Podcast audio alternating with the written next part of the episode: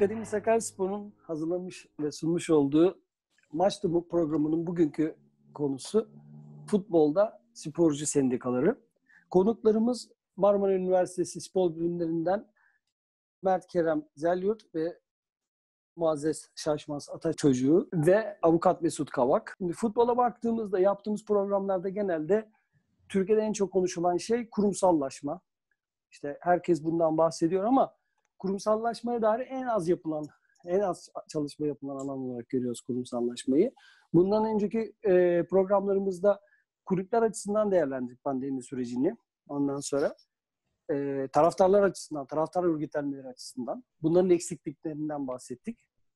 Şimdi şunu sormak istiyorum Mazur Hocam size. Yani e, futbolcular gerçekten zengin insanlar ve paraları nereye koyacaklarını şaşırmış insanlar mı? Bütün futbol liglerine baktığımızda Hı. ve biz akademisyenler, demokratik kitle örgütleri, taraftarlar bu insanların e, küçük sorunlarıyla ilgilenen insanlar mıyız? Yani bu insanlarla ilgili durum nedir sizce?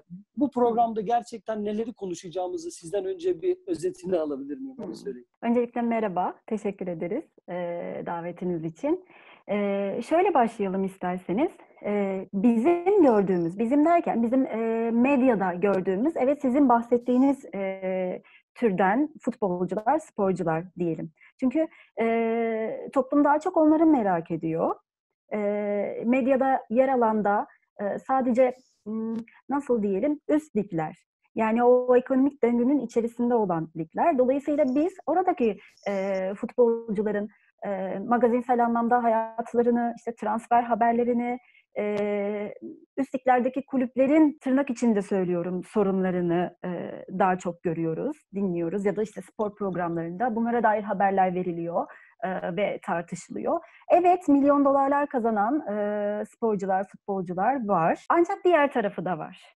Hatta daha büyük çoğunlukta çok daha zor koşullarda, çok düşük ücretlerde, emeği sınırlandıran bir takım talimat maddeleriyle emeğin özgürlüğünden bahsedemeyeceğimiz, hani futbolcunun özgürlüğünden bahsedemeyeceğimiz, çalışma özgürlüğünden hatta bahsedemeyeceğimiz e, konumlarda e, asgari ücret gibi ücretlerin söz konusu olduğu, ciddi anlamda kayıt dışı ekonominin söz konusu olduğu e, bir futbolda var. Ancak tabii bu çok fazla konuşulmuyor.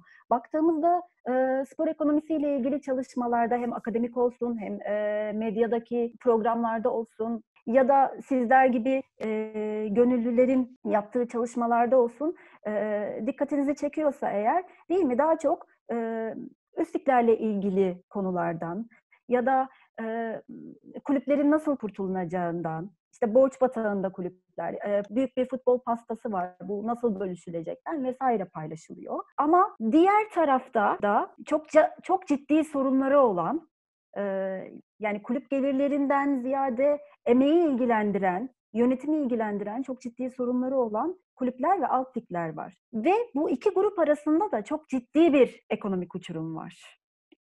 Yani dolayısıyla evet biraz insanlar bu zengin futbolcuların, milyarder, milyoner futbolcuların e, sorunlarını, küçük sorunlarını tartışıyormuşuz gibi bir eleştiri getiriyorlar ama bence bu da e, yani çok yüzeysel, çok kolaycı bir eleştiri. Çünkü futbol gördüğümüzden, bize gösterilenden ibaret değil baktığımızda. Ki akademisyenler de, sizler de e, gönüllüler olarak bu çalışmaları aslında bu yüzden yapıyorsunuz, yapıyoruz. E, değil mi? Hani büyük bir kısmı bizim gördüğümüz evet biraz böyle şaşalı çok büyük bir ekonomik e, döngüsü olan e, diğer sektörlerle e, eklemlenmiş büyük bir sektör. Yani dünyanın en küresel işi diye nitelendiriliyor. Ama diğer tarafta e, kayıt dışı ekonomiye e, hizmet eden çok değişik transfer ilişkileri olan, çok farklı değişkenlerin etkilediği e, bir futbol futbolcu kulüp ücretlilik ilişkisi e, de var. Dolayısıyla aslında e, işin bu yönü çok az tartışılıyor, çok az ele alınıyor. Yani futbol sadece e, bu e, büyük bir ekonomik sektörün o üst kısmından, o ilk kısmından bahsettiğimiz gibi e, ibaret gibi ele alınıyor. Çok çok az e, akademik çalışma e, ya da işte medyada e, yer alıyor. Çok Kerem Hocam'ın da Mert Hocam'ın da söylediği gibi e, gazetelerde olsun küçük puntolarla ya da işte TV programlarında e, alt dair sorunlar çok az şekilde. Yani baktığınızda e, liglerdeki futbolcuların sorunlarına dair konuşulur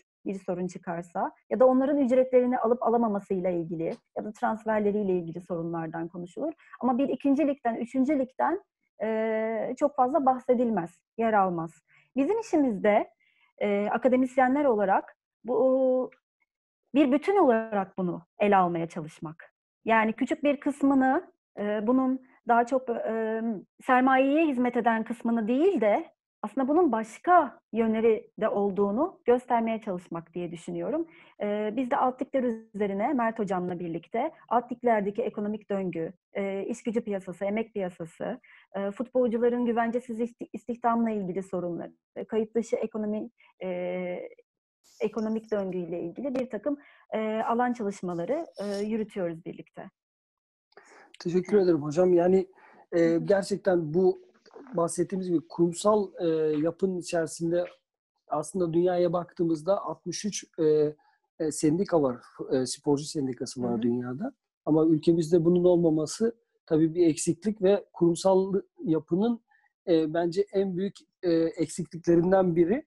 Yani şimdi e, Kerem Hocam size şunu sormak istiyorum. Türkiye'deki e, emek sermaye ilişkisine baktığımızda kulüp e, ve e, sporcularla olan ilişkiye baktığımızda kulüp yapıları genelde e, dernek yapıları, şirketleşmemiş Hı. kulüplerimiz var. E, böyle bir yapı içerisinde kulüp başkanlarını ve yöneticilerini bir sermayedar ve sporcuları bir emekçi olarak görebilir miyiz? Veya bu tanımı siz bir akademisyen olarak nasıl yapmak istersiniz? Şimdi şöyle, futbol, e, Türkiye'de e, futbol kulüplerini biraz tarihe gitmek lazım. Bizde biz batı toplumları gibi sınıflı bir toplum değiliz. İlk önce bir e, bu cümleyi söyleyip ona göre devam etmek lazım. Türkiye'deki kulüp başkanlarını klasik e, batıdaki gibi işte Premier Lig'deki gibi ya da Avrupa'nın 5 e, büyük ligindeki gibi büyük patronlar ya da patron da demeyelim de hepsi patrondur kendi çapında. Burjuvazi, klasik kıta Avrupa'sına, İngiltere'ye özgü, e, batıya özgü o terminolojiyle burjuvazi olarak nitelendirmek çok doğru değildir. Türkiye'de kulüpleri e, 1900'lü yılların başından itibaren özellikle meşrutiyetle birlikte baktığınızda her zaman devletin eli vardır. Devlet elitlerinin, siyasi elitlerin her zaman eli kolu futbolda, sporda olmuştur. Özellikle futbolda olmuştur. Neden futbolda olmuştur?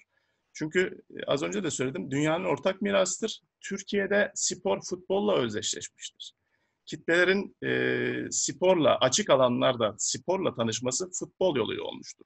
Yani meşhur e, o Tanzimat döneminin okullarında o giren Fransız jimnastikleri, akrobasiye dayalı sportif bir takım eğilimler, batıdan gelen, batılı sporu çözen, okulların e, bahçelerine, okulların salonlarına hapseden ve sporda krallığını ilan eden futboldur. Futbol da şöyle bir şeydir. E, futbol e, sporla meşrutiyetten sonra, özdeşleştikten sonra, hatta cumhuriyetten sonra da e, hiçbir zaman baktığınızda e, devletin spordan elini çektiğini göremezsiniz. Yani şöyle bir şey vardır. Türkiye'de kulüpleri burjuva ya da işte bir takım iş adamları kurmamıştı. Yani bu 1951'den sonra e, sporun özel futbolun profesyonelleşmesinden sonra, profesyonelliğin girdikten sonra e, ve sonrasında da 60'lı yıllarda ikincilik ve üçüncülüklerin Anadolu futbolunun gelişmesiyle e, tabii ki bir takım sermaye hareketleri de gündeme gelmiş. Özellikle planlı kalkınma yıllarında işte hem İstanbul e, burjuvazisi, burjuvazi demeyelim tekrar, onu düzeltelim, İstanbul sermayesi hem de Anadolu sermayesinin gelişmesiyle tabii ki sermayedar e, bir takım güçler de futbola el atmıştır. Ancak devletin her zaman eli vardır. Yani e, futbolda, sporda, özellikle futboldadır. Şimdi sporcu e, işçi midir? İşçidir. Ama futbolcuları ya da sporcuları işçi sınıfı olarak değerlendirmek ne kadar doğrudur? Bunlara birazdan zamanımız olursa geleceğiz, değineceğiz. Özellikle Türkiye'nin 60'lardaki siyasi serüvenin, sol hareketleri, sol hareketlerdeki tartışmalarla bunları da bağlamak lazım. Şöyle söyleyelim. e, Türkiye'deki siyasal süreçlerle e, yani özellikle 60 sonrası, 27 Mayıs sonrasında diyelim bir takım çok partili, e, farklı çok partili düzenin de yerleşmesi ve çok partili düzende farklı sol hareketlerin, sol akımların gündeme gelmesi mesela orada 65 yılında kurulan bir sendika e, hareketini etkilemiştir. Türkiye'de ilk sendika Şükrü Güres'in e, işte öncülük ettiği sendikadır. Ama bakıyorsunuz dedik ya siyasal süreçlerle paraleldir spordaki e, bir takım hareketlenmeler, toplumsal e, hareketlenmeler, dinamikler. Bakıyorsunuz 12 Eylül'de kapanıyor mesela. Yani her zaman siyaset baskındır sporun üzerinde. Burjuvalar baskın değildir ya da sermayedarlar baskın değildir. Bugün Türkiye'deki yani iş adamlarına da baktığınızda 10 sene önce gördüğünüz iş adamını bugün işte medyada belki göremeyebilirsiniz. Çünkü siyaset merkezi devlet her zaman normal sermayeyi şekillendirdiği gibi sporu da şekillendirir, medyayı da şekillendirir. Türkiye'de 24 saat çok uzun süredir. Demirel'in söylediği gibi rahmetli Demirel. Yani klasik bir biçimde sporcuları işte proletarya, işte batıdaki ortodoks Marksizme göre proletarya olarak değerlendirip, işçi sınıfı olarak değerlendirip kulüp başkanlarını da burjuvazi olarak değerlendirmek doğru bir yaklaşım değil. Bunu söyleyelim e, net olarak. E, kulüp başkanları iş adamıdır. Kulüp başkanları e, iş adamıdır. İş adamının niyeti nedir? E, iş adamının niyeti kar etmektir. Her ürünü metalaştırmaktır. Belki kulüpten doğrudan para kazanamaz Premier Lig'de gibi. Ya da Fransa'daki işte şirketler gibi. Doğrudan para koyup kazanamaz ama rantiye vardır burada.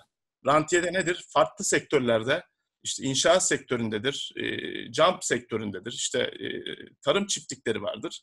Burada ya da farklı medyada faaliyet gösteriyordur. Futbol yoluyla kurduğu özdeşleşmeden, bakın çok önemli. Futbol yoluyla halkla kurduğu özdeşleşmeden o rantı farklı sektörlerde mutlaka kazanacaktır, geri getirecektir. Şimdi büyük kulüplerin başkanlarına bakalım. İsmini vermeyeyim ben şimdi. Kim tanıyordu bunları? İşte bu kulüpleri başkanlık etmeden önce ben tanımıyordum şahsen. Kimse de kimsenin de tanıdığını sanmıyorum. Yani öyle bir gücü var ki bu futbolun. Generaller de işte Franco'su da işte Salazar'ı da Videla'sı da bilmem nesi de bütün Latin Amerika'daki o diktatörler de buna el atmış. E, bu da ayrı bir konudur tabii. Bunu da ayrıca tartışmak lazım. Futbol afyon mudur, değil midir? O da tartışılır. Çok böyle deterministik ifadeler kullanmamak lazım. E, işte bunlar gibi bu şey e, olduğu gibi tarihteki siyasilerin, iş adamlarının vesaire futbola yakınlaşması gibi, futbolu metalaştırması, satması ya da onun yoluyla, futbol dolayımıyla kendi reklamını yapması, kitlelerle özdeşleşmesi, medyada, siyasette öne çıkması gibi e, bir takım sonuçları olmuştur. E, Türkiye'ye baktığınızda e, bakıyorsunuz, yani mesela geçmişte son 15 seneye bakalım. E, futbol kulüplerine el atanlar daha sonra medyaya el atıyor. İşte, ya da daha önce medya, futbol, siyaset üç, üçgenini bir şekilde kurup farklı yerlere yol almaya çalışıyor. Kendi cebinden veriyor belki. Yani iş adamına göre değişir şimdi. Ee, ama e, böyle bir döngü var. Medya, futbol, siyaset, e, Türkiye'de de özellikle Türkiye özelinde büyük iş adamlarının meşhur denklemidir. E, olması gereken, kurması gereken denklemidir. Burjuva değildir bunlar. Futbol da burjuva değildir. Bakın yani futbolun burjuvası değildir. Bunlar iş adamlarıdır, zengindir. Kemal Tahir'in bir sözü vardır. Türkiye'de burjuva yoktur. İşte proletarya yoktur. Bunlar 60'larda hep yapıldı bu tartışmalar ama bizdeki batılı işte batıcı, oryantalist, şarkiyatçı akademisyenler getirip böyle batılı kavramları getirip burada kullanıyorlar. Daha yakışıklı görünüyor. Onları söyleyince daha fazla dolaşıma giriyor. Sanki bir tekerleği keşfetmiş gibi bir takım böyle şeylere giriyorlar ama öyle değildir. Yani e, genel siyasal süreçlerle, e, genel siyasal süreçler içinde, siyasal tartışmalar içinde değerlendirmek lazım sporda, futbolda. Teşekkürler hocam. Yani şimdi aynen tarif ettiğiniz gibi Türkiye İdman Cemiyetleri İttifakı'ndan TFF'ye baktığımızda iki kurum, e, kurumsal olarak e, spor ve futbolu ele alan iki kurum olarak görüyoruz. Tabii arada İttihat Terakki'nin kurduğu takımlar, ondan sonra Halk Fırkası'nın kurduğu takımlarla devlet zaten her zaman futbol kulüplerini bir şekilde kendi kontrolü altında, bünyesi altında tutmuştur. Ve aynen dediğinizde katılıyorum. Yani futbol gerçekten bir bir iş dünyası değildir. Nasıl ifade edeyim? Mesela diyelim A firmada çalışıyorsunuz. O A firması için siz iki haftada bir 800 kilometre yol gidip onu desteklemiyorsunuz bir yerlerde. Çalışıyorsunuz, paranı alıyorsunuz ve evinize gidiyorsunuz. Böyle ilişki sona eriyor. Benim e, sizden anladığım kadarıyla herhalde konuşmanın diğer kısımlarında da zaten buna değineceksiniz. Bir emek işveren ilişkisi var ama bir sınıfsal ilişki kesinlikle o dediğiniz gibi batılı terminoloji, içer, terminoloji içerisinde çizmemiş şu aşamada çok e, mümkün görünmüyor. Emek konusu, işveren konusu belli bir ücret e, mevzu bahis olduğundan dolayı otomatikman zaten ortaya çıktığı için de bugün de bu aydınlatmayı, bu konuları detaylarıyla insanlarla paylaşmak üzere bu programı yaptık. E, bir de şimdi ben tabii haklar konusu anayasal e, düzen içerisinde güvence altına alınmıştır Mesut Kavak. E, şunu sormak istiyorum. Derneklerle sendikalar arasındaki farkı bize izah edebilir misin hukuki e, bir hukukçu olarak? Ve Tabii. bir sendikalaşma süreci yaşanırsa sendikalarda sadece sporcular mı olmalı yoksa masörler, malzemeciler, kulüp çalışanları bunların da dahil edildiği bir e, tanımlama mümkün mü? Yani şu anda zannediyorum spor, e, eğlence e, sektörü içerisinde sendikalaşma Konaklama ve eğlence işleri iş kolunda. Evet, bu şekilde ele alınıyor. Yani ben çok merak ediyorum. Yani e, sendika ve e, dernek arasındaki farkı bize nasıl açıklayacaksın ve sendikalar neleri kapsamalı, kimleri kapsamalı? Ee, onu açıklamadan önce aslında Mert Hocam'ın ve sizin bahsettiğiniz bir konu var. Ee, futbolcu işçi midir? Hukuk buna nasıl bakıyor? Bir de onu değerlendirmek lazım. Yani işin sosyolojik boyutunun dışında. Ee, bizim iş kanunumuza göre futbolcular e, klasik birer işçi değiller.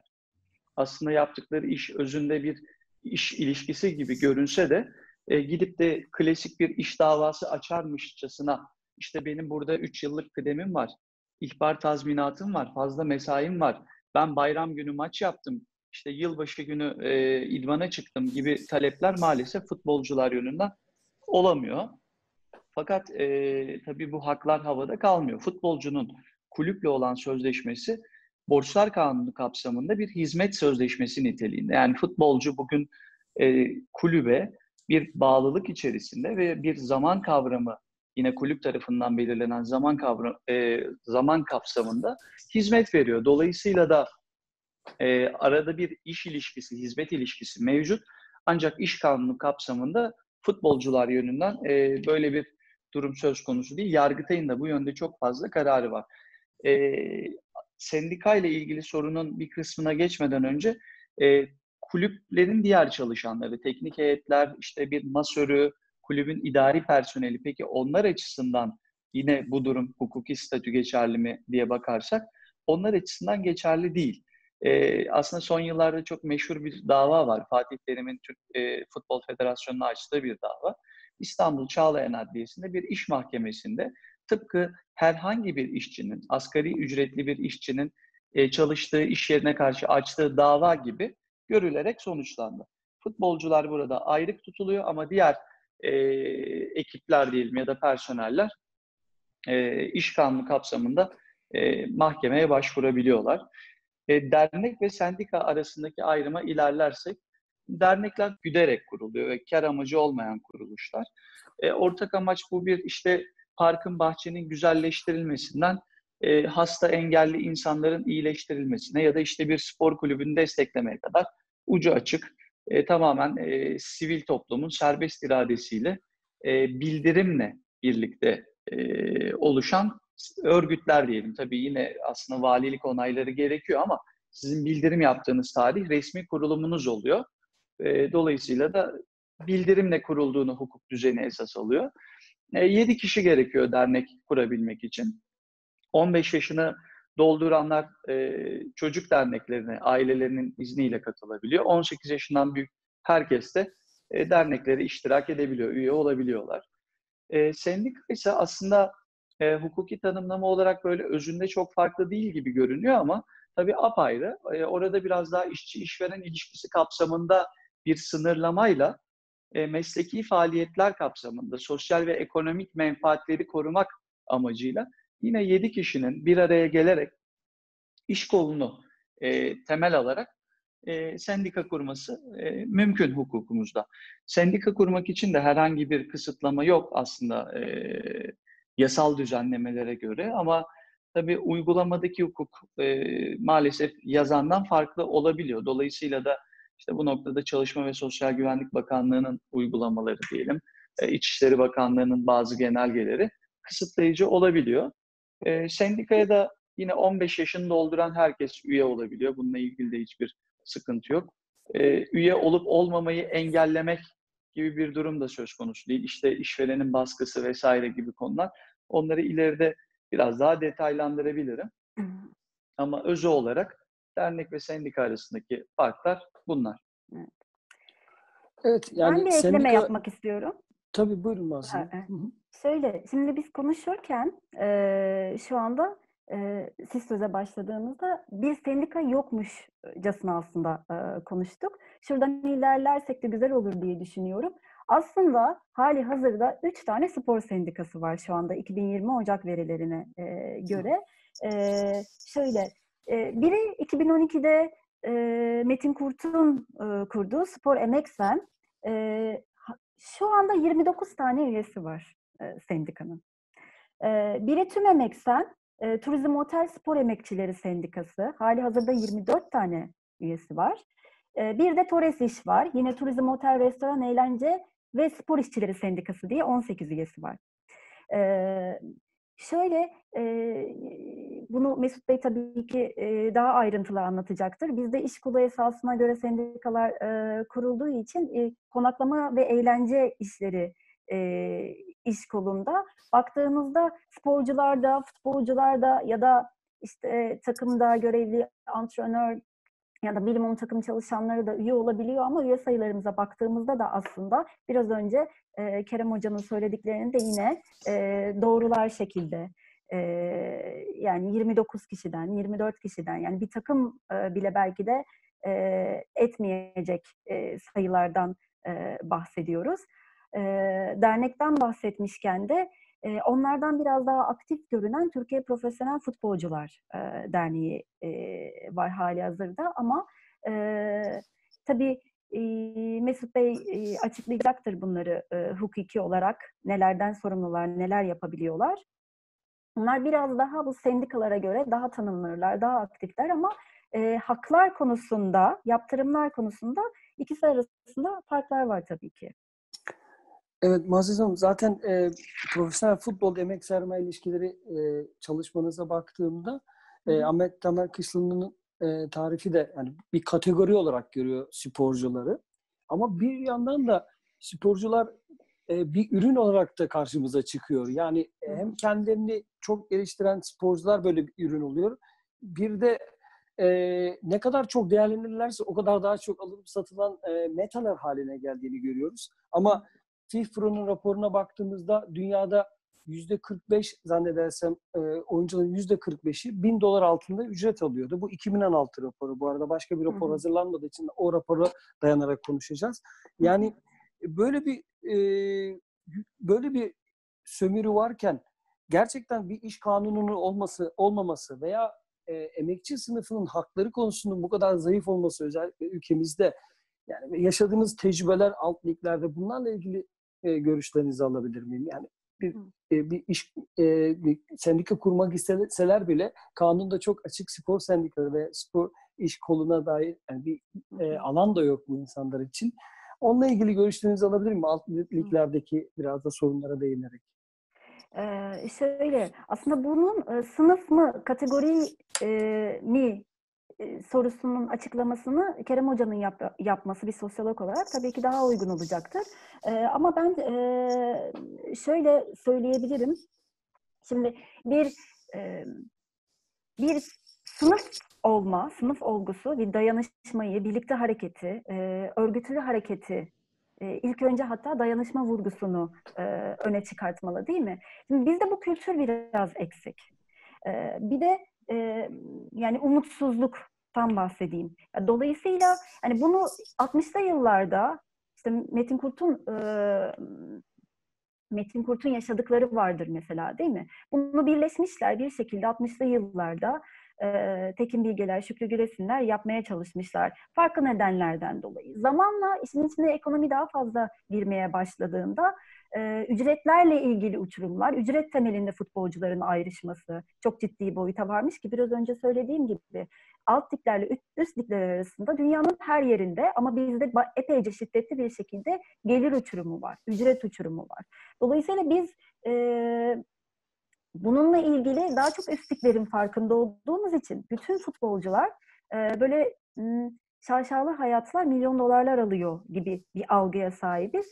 Evet FIFPro'nun raporundaki gibi e, çok ciddi derecede ekonomik sorunlar e, yaşıyorlar. Bunu hem piyasanın kendisinden kaynaklanan, hem kulüplerin yönetim sorunlarından kaynaklanan, hem e, birlikte olamama, örgütlü hareket edememe, e, haklarının farkında olmama, yaptığı işin farkında olmama ve günü kurtarma gibi bir e, durumdan kaynaklanan şekilde de e, yönetemiyorlar.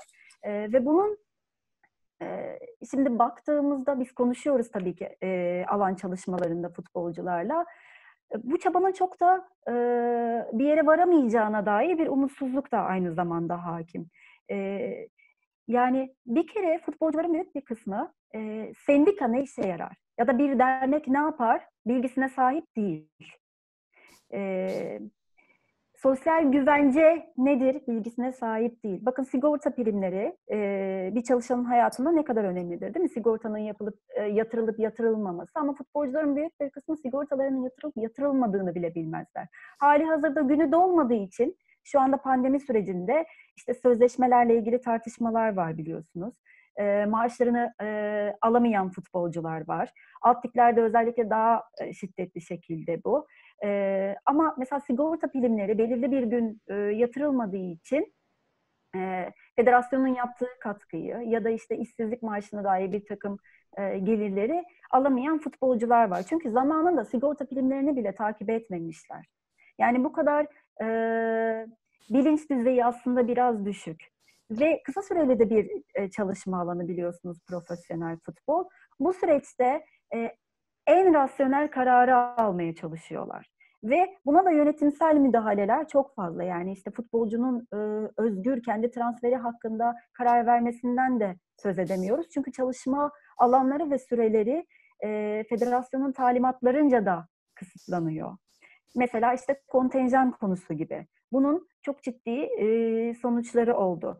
Bu, bu sorun üzerine hatta 2013 e, yılında biraz daha böyle aktif e, hale gelen Futbol Sen kuruldu. Rahim Zafer'in kurduğu bir sendikaydı ama şu an hazır o sendika e, yok ortada.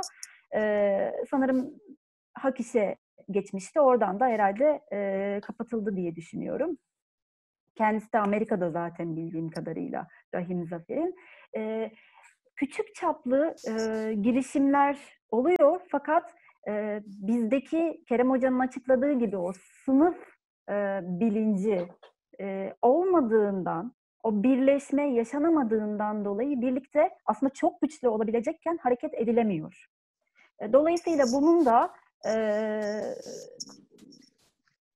hala eksik, aksak rekabette devam eden e, ekonomik sonuçları oluyor bir süre sonra sadece sızlanmaktan da öte e, gidemiyor. Yani zaten kavramlar da karışıyor açıkçası.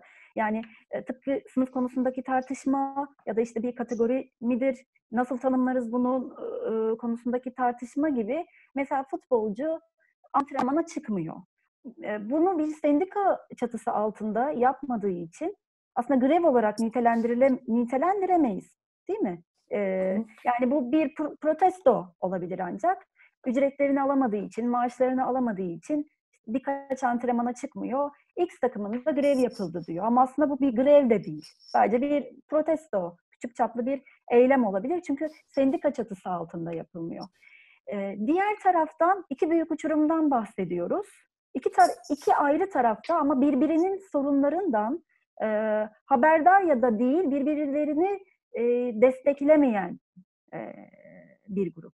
Yani mesela İspanya'da 2011 yılında e, bir örnek var. Alt liglerdeki transfer sözleşmelerine dair, e, ücretlerini alamayan futbolculara dair bir e, İspanyol sendikası e, çatısı altında üst liglerdeki futbolcular 3 hafta sahaya çıkmıyorlar ve alt liglerdekilerin e, haklarına kavuşmalarını, sözleşmeyle ilgili sorunlarını çözmelerini ve ücretlerini almayı sağlıyorlar. Biz baktığımızda e, bu sorunları ciddi boyutlarda yaşayan futbolcuların hali hazırda sesi duyurulamıyor bile zaten. Yani zaten onların sorunlarını tartışmaya e, çok uzakta bir e, spor kültürünün içerisindeyiz. Yani sporun e, spor ekonomisinden bahsediyoruz ama spor ekonomisinin içinde sporda emek piyasası da var. Sporda emek ilişkileri, e, iş gücü piyasası da var ama bunu göz ardı ederekten bir spor ekonomisi çatısı altında tartışmalar genellikle e, yürüyor diyebiliriz. Evet hocam yani şimdi ben aslında tarihsel olarak sendikaların e, nasıl geliştiğini, tarihini araştırmaya baktım da işin içinden çıkamadım. Ne yönetim kurulları çok belirgin, bir başlıyor sonra nerede bittiği belli değil. Yani bir oltayı denize atıyorsunuz sonra olta kopuyor. Nereye gidiyorsa okyanus içerisinde dağılıyor. Yani benim önümde şu anda Amatör Sporcular Derneği e, çalışmış 1978-81 arasında. E, e, Kurtan Fişek'in çok e, büyük emeği var tabii burada. E, ondan sonra Fikret Ünlü tekrar bunlar hep e, rahmetle anıyoruz hepsini. E, bu derneğin başkanlığını yapmış. Ondan sonra Profesyonel Futbolcular Derneği sizin dediğiniz gibi Tekin Bilge, e, Şükrü e, Bey'in e, e, katkılarıyla büyük bir mesafe kat etmiş. Sonra Muzaffer Sipahi ve Metin Kurt'un tabii e, işin içine girmesi. E, Rahim Zafer'in söylediğiniz gibi e, çalışmaları var.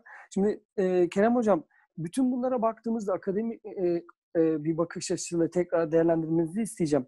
Yani bir pandemi süreci yaşanıyor. Futbolcular benim tanıdığım alt liglerde hem dostlarımız hem kardeşlerimiz olan oyuncular evlerini kaybetmek üzere olduklarını biliyorum. Kredi kart borçlarından dolayı bunalıma girdiklerini biliyorum. E, bunalımlar yaşıyorlar. Sadece sorunların maddi şeyler değil. Belli bir hayat standardı var. O hayat standartından kim düşerse düşsün e, ailevi sorumluluklar gereği büyük bir e, bunalım yaşayabiliyorlar. Yani dünyada sendikal hareketlere baktığımızda da tek başına hemen hadi sendikalık kuralım diye ortaya çıkmıyorlar. Belli bir süreçleri var, evriliyorlar, dayanışma içerisinde tekrar haklar konusunda birleşiyorlar. Acaba bu pandemi sürecinde bir kooperatif oluşturulup bu kadar bölük pörçük e, çabalardan ziyade gerçekten hem federasyonun bunu ciddiye alması anlamında söylüyorum. Şu anda mesela federasyon futbolcularla ilgili oturup bir e, görüşme yapmaya kalksa bir temsilcisi yok. Yani yüzlerce yani benim önümde şu anda 7 bin, e, 79 bin üzerinde profesyonel sporcu var Türkiye'de. E, 50 federasyonumuz var 50'nin üzerinde. 1 milyon üzerinde lisanslı sporcumuz ve e, 7 bin üzerinde de kayıtlı kulübümüz var. Yani bunların sorunlarının sadece maddi anlamda değil, yani toplumsal olarak, sosyolojik olarak da bir e, e, kurum etrafında toparlanıp e, federasyonlarla ilişkilerinde buna göre gelişmesi, geliştirilmesi yani gerçekten kooperatif anlayışıyla başlayıp sendikal harekete dönüşmesini umut edebilir miyiz bu pandemi sürecinde? Bu dayanışmaya dönüşmesini umut ediyoruz en azından. Evet. Bunu nasıl evet. öngörüyorsunuz? Şimdi az önceki bir e, hocam, hocamla sizin konuşmanıza bir katkı yapmak istiyorum. Daha sonra o konuya gelmek istiyorum. E, pandemi sürecinin e, nasıl etkilediğini futbolu. E, şimdi e, söylediğiniz gibi birçok sendikal girişim olmuştur. İl, ilki de bu bir tesadüf değildir. 65 yılında Türkiye İşçi Partisi tipin meclise 15 milletvekili milletvekiliyle girdiği seneye denk gelmiştir. Yani spor siyasal süreçlerle Türkiye'deki e, ve dünyadaki siyasal süreçlerle gelişen akımlarla kesinlikle bağlantılıdır ve 12 Eylül'de de kalkmıştır. Bir dönem çok güçlü olmuştur 70'lerin ortasında. Ancak şu anda mesela e, genel olarak sendikalara bir bakalım. Ne yapıyorlar? Ne tür sendikalar var? Şimdi bugün 14 milyon kayıtlı işçi var. İşte devletin verilerine göre, bakanlığın. Bunların 1 bölü 7'si, 1 bölü 7'si yaklaşık %15'i sendika üyesi. Bunların içinde de ayrıldığını görüyoruz bakın. e, büyük çoğunluğu 1 milyonu Türk iş. İşte 666 bini hak iş. E, geri kalanda işte e, meşhur e, disk e, yani muhalif sendika işlevini yürüten disk. Kamuya baktığınızda kamuya baktığınızda işte devlet memurluğunu ilgilendiren bir takım sendikalara baktığınızda da e, tamamen aynı benzer o zihniyet tablosunu görüyorsunuz. Türkiye'nin siyasi haritası aslında bu. Yani Türkiye'nin o siyasi o zihniyet haritası sendikalara e, yansır. Yani e, normalde muhalif sendikalar normalde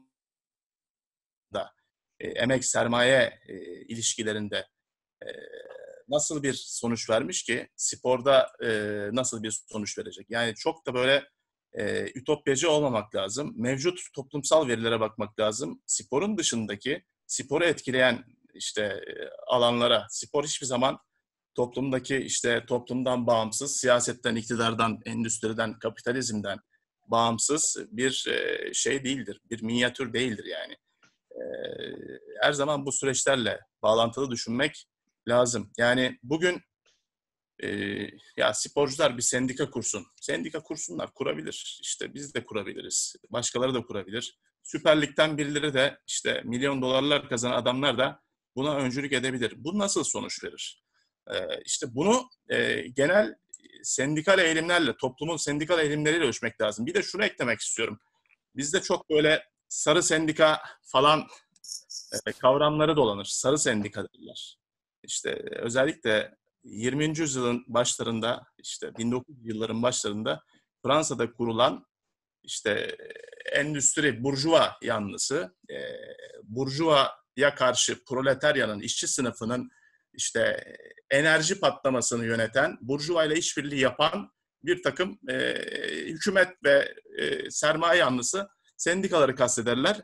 Şimdi bizde mesela e, az muhalefet yapan sendikalara demin söylediklerimden birkaç tane söyleydi. Derler ki sarı sendika. Yani Türk insanının yapısını anlatmak için söylüyorum bunları.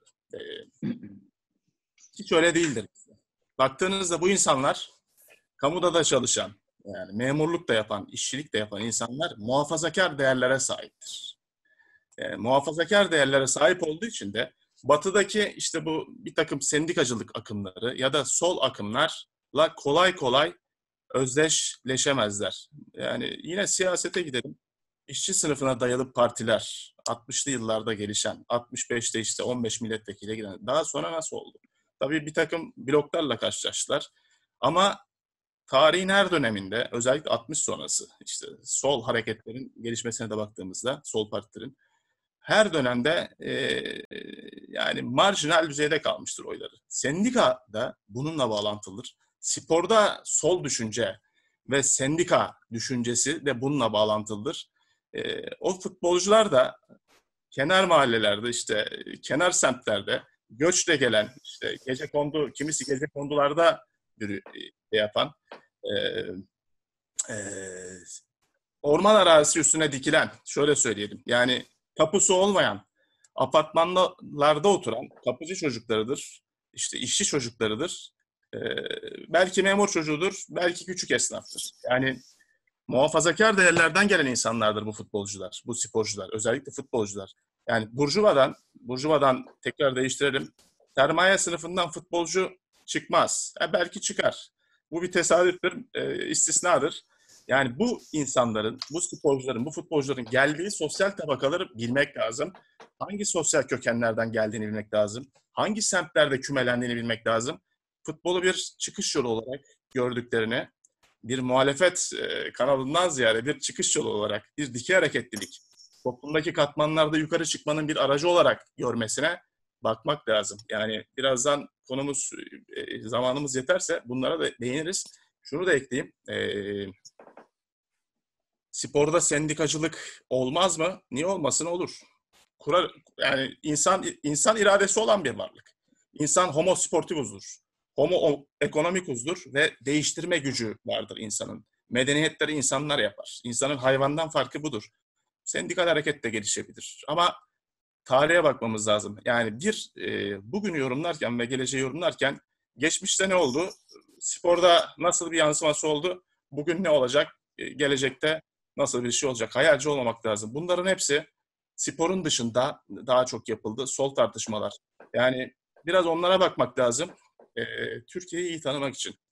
Türkiye'yi iyi tanımak sporu da daha doğru analiz etmeyi sağlar. Mesela böyle söyleyelim. Sol sendikadan bahsediyoruz. Soldan işçi sınıfına dayalı partilerden bahsediyoruz. Bunların hepsi bağlantılıdır. İşçi sınıfının ne kadar oy aldığından bahsettik demin. Ee, mesela 60'lı yıllarda gelen Marksizme dayalı, Ortodoks Marksizm, ana akım Marksizm, bildiğiniz Karl Marx'ın Marksizminin ya da işte onun Sovyet versiyonunun geldiği yıllarda işte Boran, Beyce Boran vardır, meşhur sosyologtur, e, Marksist sosyolog. Beyce Boran'la Mehmet Ali var, gerilimi vardır mesela bu ülkede. Çok önemlidir bu. Niye çok önemlidir? Niye söylüyorum? Ee, bir taraf güler yüzü sosyalizmi temsil eder. İşte bize özgü yerli sosyalizm, işte belki Türk sosyalizmi, Osmanlı sosyalizmi olabilir. Bir tarafta e, biraz daha fazla Ortodoks Marksizmi temsil eder. Kurtan Fişek de dediğim ikinci gruptadır mesela. Ortodoks Marksizmi, işte klasik Marksist anlayışı spora uyarlamış değerli, e, orijinal bir akademisyendir. Allah rahmet eylesin. bunlar daha sonra tabii bu tartışmalar sol nasıl olacak, insanları sola nasıl çekeceğiz? Bu tartışmalar daha sonra diğer partileri de etkiledi. İşte devletin resmi partisi, Cumhuriyet Halk Partisi ortanın solu tartışmasını başlattı. Neden ortanın solu? Çünkü solun solu, soldaki sol, bildiğimiz o batıdaki sol, Türkiye'de çok fazla iş götüremiyor. Böyle bir durum var. Ee, bunların hepsinin, bu anlattıklarımın hepsinin sporda sendika ya da sol düşünceyi örgütlemeyle, kurmayla tarihsel bağlantıları vardır. Yani bunlardan ayrı düşünmek mümkün değildir. Üç kişi, beş kişi sendika kurar, ayrı ayrı sendikalar kurarlar. Belki devlet de öncülük eder. Gidin kurun der. Bunlar da olmuştur zamanında yakın dönemde. Ama ne kadar sonuç alınır ayrı bir konudur. Şimdi şeye gelelim pandemi sürecine. Pandemi sürecinde ne olmuştur? Pandemi sürecinde spor, futbol nasıl etkilenmiştir? Konumuz futbol, futbolu söyleyelim. Pandeminin sonuçları farklı sosyal tabakaları yani spordaki işte farklı futbol düzenindeki farklı tabakaları farklı etkilemiştir. Yani şöyle daha basit bir ifadeyle Süper Lig futbolcusunu farklı etkilemiştir. Üçüncü ligde hayatını idame eden işte yoksulluk sınırıyla belki açlık sınırı demeyelim abartmayalım da yoksulluk sınırıyla mücadele eden 25 yaşındaki o arkadaşı, mahalleden arkadaşı, bizim mahallenin çocuğu, ben Kozanoğlu'nun dediği gibi. Futbolcu bizim mahallenin çocuğudur. Yani bize yakındır. O adamı farklı etkilemiştir. Yani şöyle değildir bir takım işte şeyler duyarsınız, retorikler, e, hayat hevesler, ev hayat dolu. Bunlar güzel tabii temenniler. Ama madde e, yani mevcut toplumsal yapıyla, ekonomik süreçlerle toplum gerçeğiyle ne kadar örtüşüyor buna bakmak lazım. Şimdi orada baktığınızda Süper Lig'deki o futbolcular, özellikle Süper Lig'in de bir piramidi vardır. Tabakalaşma piramidi. En üstte büyük kulüpler vardır. O milli takım haline gelmiş o İstanbul kulüpleri vardır. Sonra altta bir takım işte sermayenin geliştiğine, işte bir takım Bursa gibi takımları görürsünüz. Trabzon'u görürsünüz. Dördüncü büyük olarak Anadolu'nun gücü. Ama daha alta indiğinizde bakın tabakalaşma kendini hissettirmeye başlayacaktır. Tabakalaşma ve eşitsizlik futbol düzeninde o e, yaygınlaşmaya başlayacaktır. Aşağılara doğru. Aşağılara doğru kitle genişleyecektir. E, ve emekçi kitle. Yani spor hepsi emekçidir. Yani milyon dolarlık adam da emekçidir. İşte mankenlerle boy gösteren adam da emekçidir. Onun da hakkını savunuruz. Siz e, bir soru sormuştunuz Muazzez Hoca'ya. E, akademisyenler ya da sosyal bilimciler kuruş hesaplayan kişiler midir diye. Gerekirse öyle değildir. O e, şöyle, onu bir metafor olarak kullandınız ama gerekirse onların da e, sorunlarını gündeme getiririz. Çünkü e, onların sorunları da bizi ilgilendiriyor. Yani biz kişileri kapsayan, e, sporcuları, futbolcuları kapsayan düzenle ilgileniyoruz biz. Yani bu e, bu yapıdaki sorunlarla ilgileniyoruz. Çünkü o yapının yükünü o, insanlar taşıyor. E, şimdi şöyle söyleyelim, tekrar e, bazen farklı konulara gidiyoruz. Pandemi süreci Üçüncü ligdeki futbolcuyu farklı etkilemiştir dedik. İkinci ligdekini farklı etkilemiştir dedik. Neden farklı etkiledi onu söyleyelim. Çünkü bu kişiler Süper Lig'deki daha özelde üç büyüklerdeki gibi ya da işte Anadolu'nun ünlü kulüplerindeki gibi futbolcular gibi değildir. Bunlar dünyalığını kuramamışlar. Halk ağzıyla söyleyelim. dünyalığını kuramamış futbolculardır. E, futbola büyük hayallerle girmiş, altyapı seçmelerine gitmiş, amatör takımlarda yoğrulmuş. Mahallenin lokalinde işte abilerin umut dağıttı. Oğlum şöylesin, böylesin. Yeteneklisin. Seni işte şu- biz, bizim bir tanıdık var. Seni işte bilmem ne X kulübüne götüreceğiz. Seni orada beğenecekler e, gibi cümlelerle efsunlanmış adamlardır. Üçüncü ligdeki adamlar. Ama artı değere Süper Lig'deki e, ya da işte büyük kulüplerdeki gibi sporcuların e, o sermayeden pay alan sporcular gibi artı değere yeteri kadar el koyamamış, artık elde edememiş sporculardır bunlar. Yani dedik ya orta gelir tuzağıyla boğuşan adamlardır bunlar. Üçüncü ligde, ikinci lig. Hatta amatörü de dahil etmek lazım. Niye dahil etmek lazım? Türkiye'deki futbol sistemi çok enteresandır. Merdiven altı sektördür amatör futbol. Yani kayıt dışıdır. Yani şimdi birileri çıkıp diyorlar ki tekerleği keşfetmiş gibi prekar ediyorlar. Biz bunların Türkçesini yazdık. En fazla en dibine kadar indik, araştırdık eee, ve gerçekleri gördük. Gerçeğe nüfuz ettik. Baktığınızda işte amatör ligde, birinci amatörde ya da bal liginde eee, çok iyi ücretler alan eee, adamlar görürsünüz. Profesyonelden gitmiştir, işte kontenjana takılmıştır, yaş sınırına takılmıştır. Baktığınızda ikinci ligdeki topçudan daha fazla para kazanır. Yani eee, biraz pre-modern ilişkilerin döndüğü bir alandır da futbol.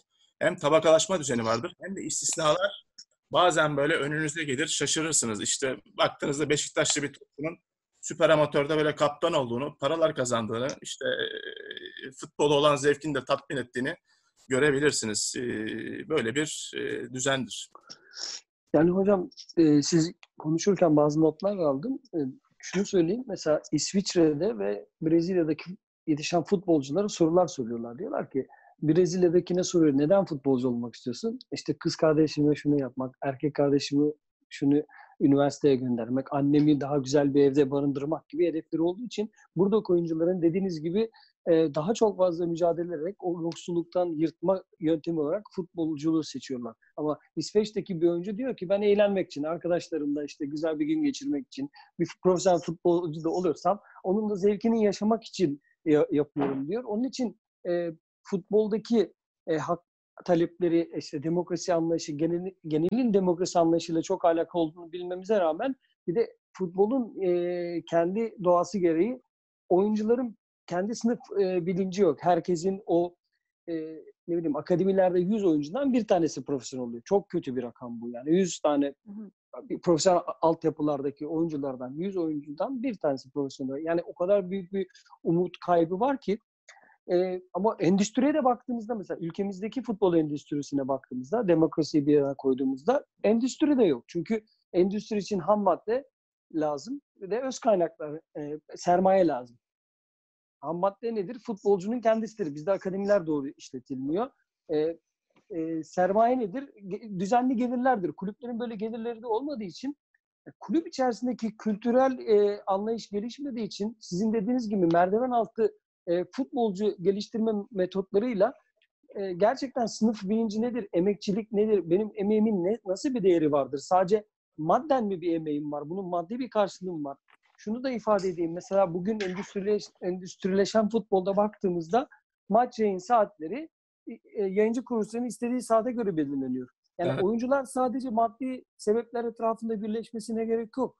Yani e, sakatlanma riskinin artması, farklı saatlerde çok e, düzensiz günlerde futbol oynanması, dinlenmelerinin el- ellerinden alınması, sağlıksız koşullarda yolculuk etmeleri özellikle ülkemizde. Yani bazen hafta içi konulan maçlarda oyuncuların nasıl yolculuk ettiğini, ne kadar riskler olarak başka şehirlere gittiğini, coğrafi konumumuzda göz önünde bulundurursak e, gerçekten büyük sorunlar. Onun için e, futbolcu arkadaşlar veya sporcu arkadaşlar şunu bilmek zorundadır ki sorun sadece para değil. Gerçekten bütün e, sporun o psikolojik gelişimi, teknik gelişimi, taktik gelişimi, fizyolojik gelişimi e, tarafında e, bir de alınan riskler ve bu risklerin uzun vadede hayata yaydığımızda kendi özel hayatlarına, ailelerine nasıl e, bu pandemide de bunu gördük. Yani birçok futbolcu hazırsız yakalandı. Sizin dediğiniz gibi belki yoksulluk sınırında diyeceğim ama ben açlık sınırında olanları da görüyorum hocam. Çünkü kaybedecekleri çok şeyleri var. Bir yani asgari ücretli bir insanın kaybedeceği şey asgari ücretidir. Ama bir farklı e, gelir se- seviyesinde olan futbolcuların e, aldığı riskler, hayatlarının daha ailelerine daha imkanlar sunmak için çocuklarını özel okullara göndermekten tutun da be- belli yatırımlara kadar e, bu riskler belki onları açlık sınırına da iterecektir. Çünkü tek bildikleri şey futbol oynamaktır. Futbol Evet. çok, spor çok önemli bir e, e, meziyet. E, şöyle e, de- birazcık arkadaşlar dinleyenlerin de daha iyi anlaması için yani bir oyuncunun futbolcu olması için matematik, kimya gibi ders çalışarak olmuyor. Siz ayak içi pası çalışarak futbolcu olmuyorsunuz. Futbolcu gerçekten e, bir doğa vergisi, Allah vergisi bir e, yetenek ve siz bunu doğru zamanlarda doğru işleri yaparak geliştirebilirsiniz. Bazı arkadaşlarınız işte e, eğlenirken, dışarı çıkarken farklı farklı yemekler yerken siz yiyemezsiniz. Biri, birileri e, sevgilileriyle güneşin batışını seyrederken o sporcu belli yerde idman yapmak zorundadır. Biliyorsunuz çok da duymuşsunuzdur 10 bin saat kuralı vardır. Yani 7 yaşla 18 yaş arasında 10 bin saat bir işi e, amaçlı bir şekilde yaparak ancak profesyonel olabiliyorsunuz. Şimdi bu 10 bin saati yapacak bir oyuncunun e, göstereceği çaba ve bu çaba sonucunda bir sakatlıkta veya böyle bir pandemide veya kulüplerin düzensiz gelir ilişkisinde nasıl bir bunalıma gireceğini e, tahmin etmek imkansız gibi geliyor bana. Onun için e, bu söyledikleriniz e, çok önemli. Sadece maddi kısmı yok bu işin. Hayatın çok farklı alanlarını e, futbolcuların e, hem psikolojik hem de sosyal anlamda e, büyük sorunlar yaşadığını görüyoruz. E, Mesut sana tekrar e, bir soru sormak istiyorum. E, hukuki anlamda e, yine bir devlet açısından anayasa, e, devlet açısından e, anayasada e, e, sendikal hakların yer alması konusunu nasıl değerlendiriyorsun? Yani sendika hakkı, toplu iş sözleşmesi ve grev hakkı gibi. Bunların hepsi zaten birbirine yapışık ikizler gibi ve birbiriyle çok alakalı. Biri olmadan diğerinin hiç önemi yok. Az önce hocamın da söylediği gibi yani sizin çok hadi ben sendika kurdum, sendikam var hem mutluyum ama e, toplu iş sözleşmesi hakkınız yoksa, grev hakkınız yoksa tabii bunu da karşılayacak bir devlet anlayışı ve demokratik koşullar yoksa tek başına sendikada bilmiyorum ne anlam ifade ediyor. Ya şöyle e, aslında Mert Hoca'nın söylediği gibi 1960'larda başlayan ve hızla yükselen bir sendikal hareket var. Türkiye de bundan etkilenmiştir. E, ama yerelde bizim etkilenmemizi kolaylaştıran sebeplerden birisi e, Türkiye'nin Türkiye Cumhuriyeti tarihinin en aslında demokratik anayasalarından biri olan 1961 Anayasası'nın yürürlüğe girmesidir. Ee, anayasa tarihimize baktığımızda kişisel hak ve özgürlükleri bugüne bile kıyasla en geniş tutan anayasa 1961 Anayasası'dır. Dolayısıyla sendikal haklar, işte grev, lockout gibi e, hakların kullanılmasının bu dönemde artması ya da sendika üyeliğin, üye sayısının nüfusa bile baktığınızda o dönemde daha küçük bir Türkiye olmasına rağmen belki bugünden yüksek olmasının sebebi e, anayasanın tanımladığı o temel hak ve özgürlükler. E, günümüze geldiğimizde ise yine aslında devlet otoritesi ya da hukuki tabiriyle diyeyim kanun koyucu e, bu hakları tıpkı bir sağlık hakkı gibi, yaşam hakkı gibi, eğitim hakkı gibi e, anayasada konumlandırmış. Yani normlar hiyerarşisi dediğimiz işte bir kanun, yönetmelik, tüzük, anayasa, uluslararası kanun gibi bunların arasında bir sıralama yaptığımızda iç hukuktaki en üst mertebeye bu hakları yerleştirerek aslında e, kanuni düzenlemede güvence altına almış. Ama tabii uygulamaya geldiğimizde bu ne kadar e, doğru şekilde uygulanıyor o tartışmalı. E, buna ilaveten de e, aslında hakikaten ülkenin e, sosyokültürel yapısı ve iktidarın e, sendikal haklara bakış açısı çok doğrudan etkiliyor konuyu. E, Türkiye'de ve dünyada belki de sendikacılık yıldan yıla aslında e, değer kaybeden, kan kaybeden bir yapı halde, haline geliyor.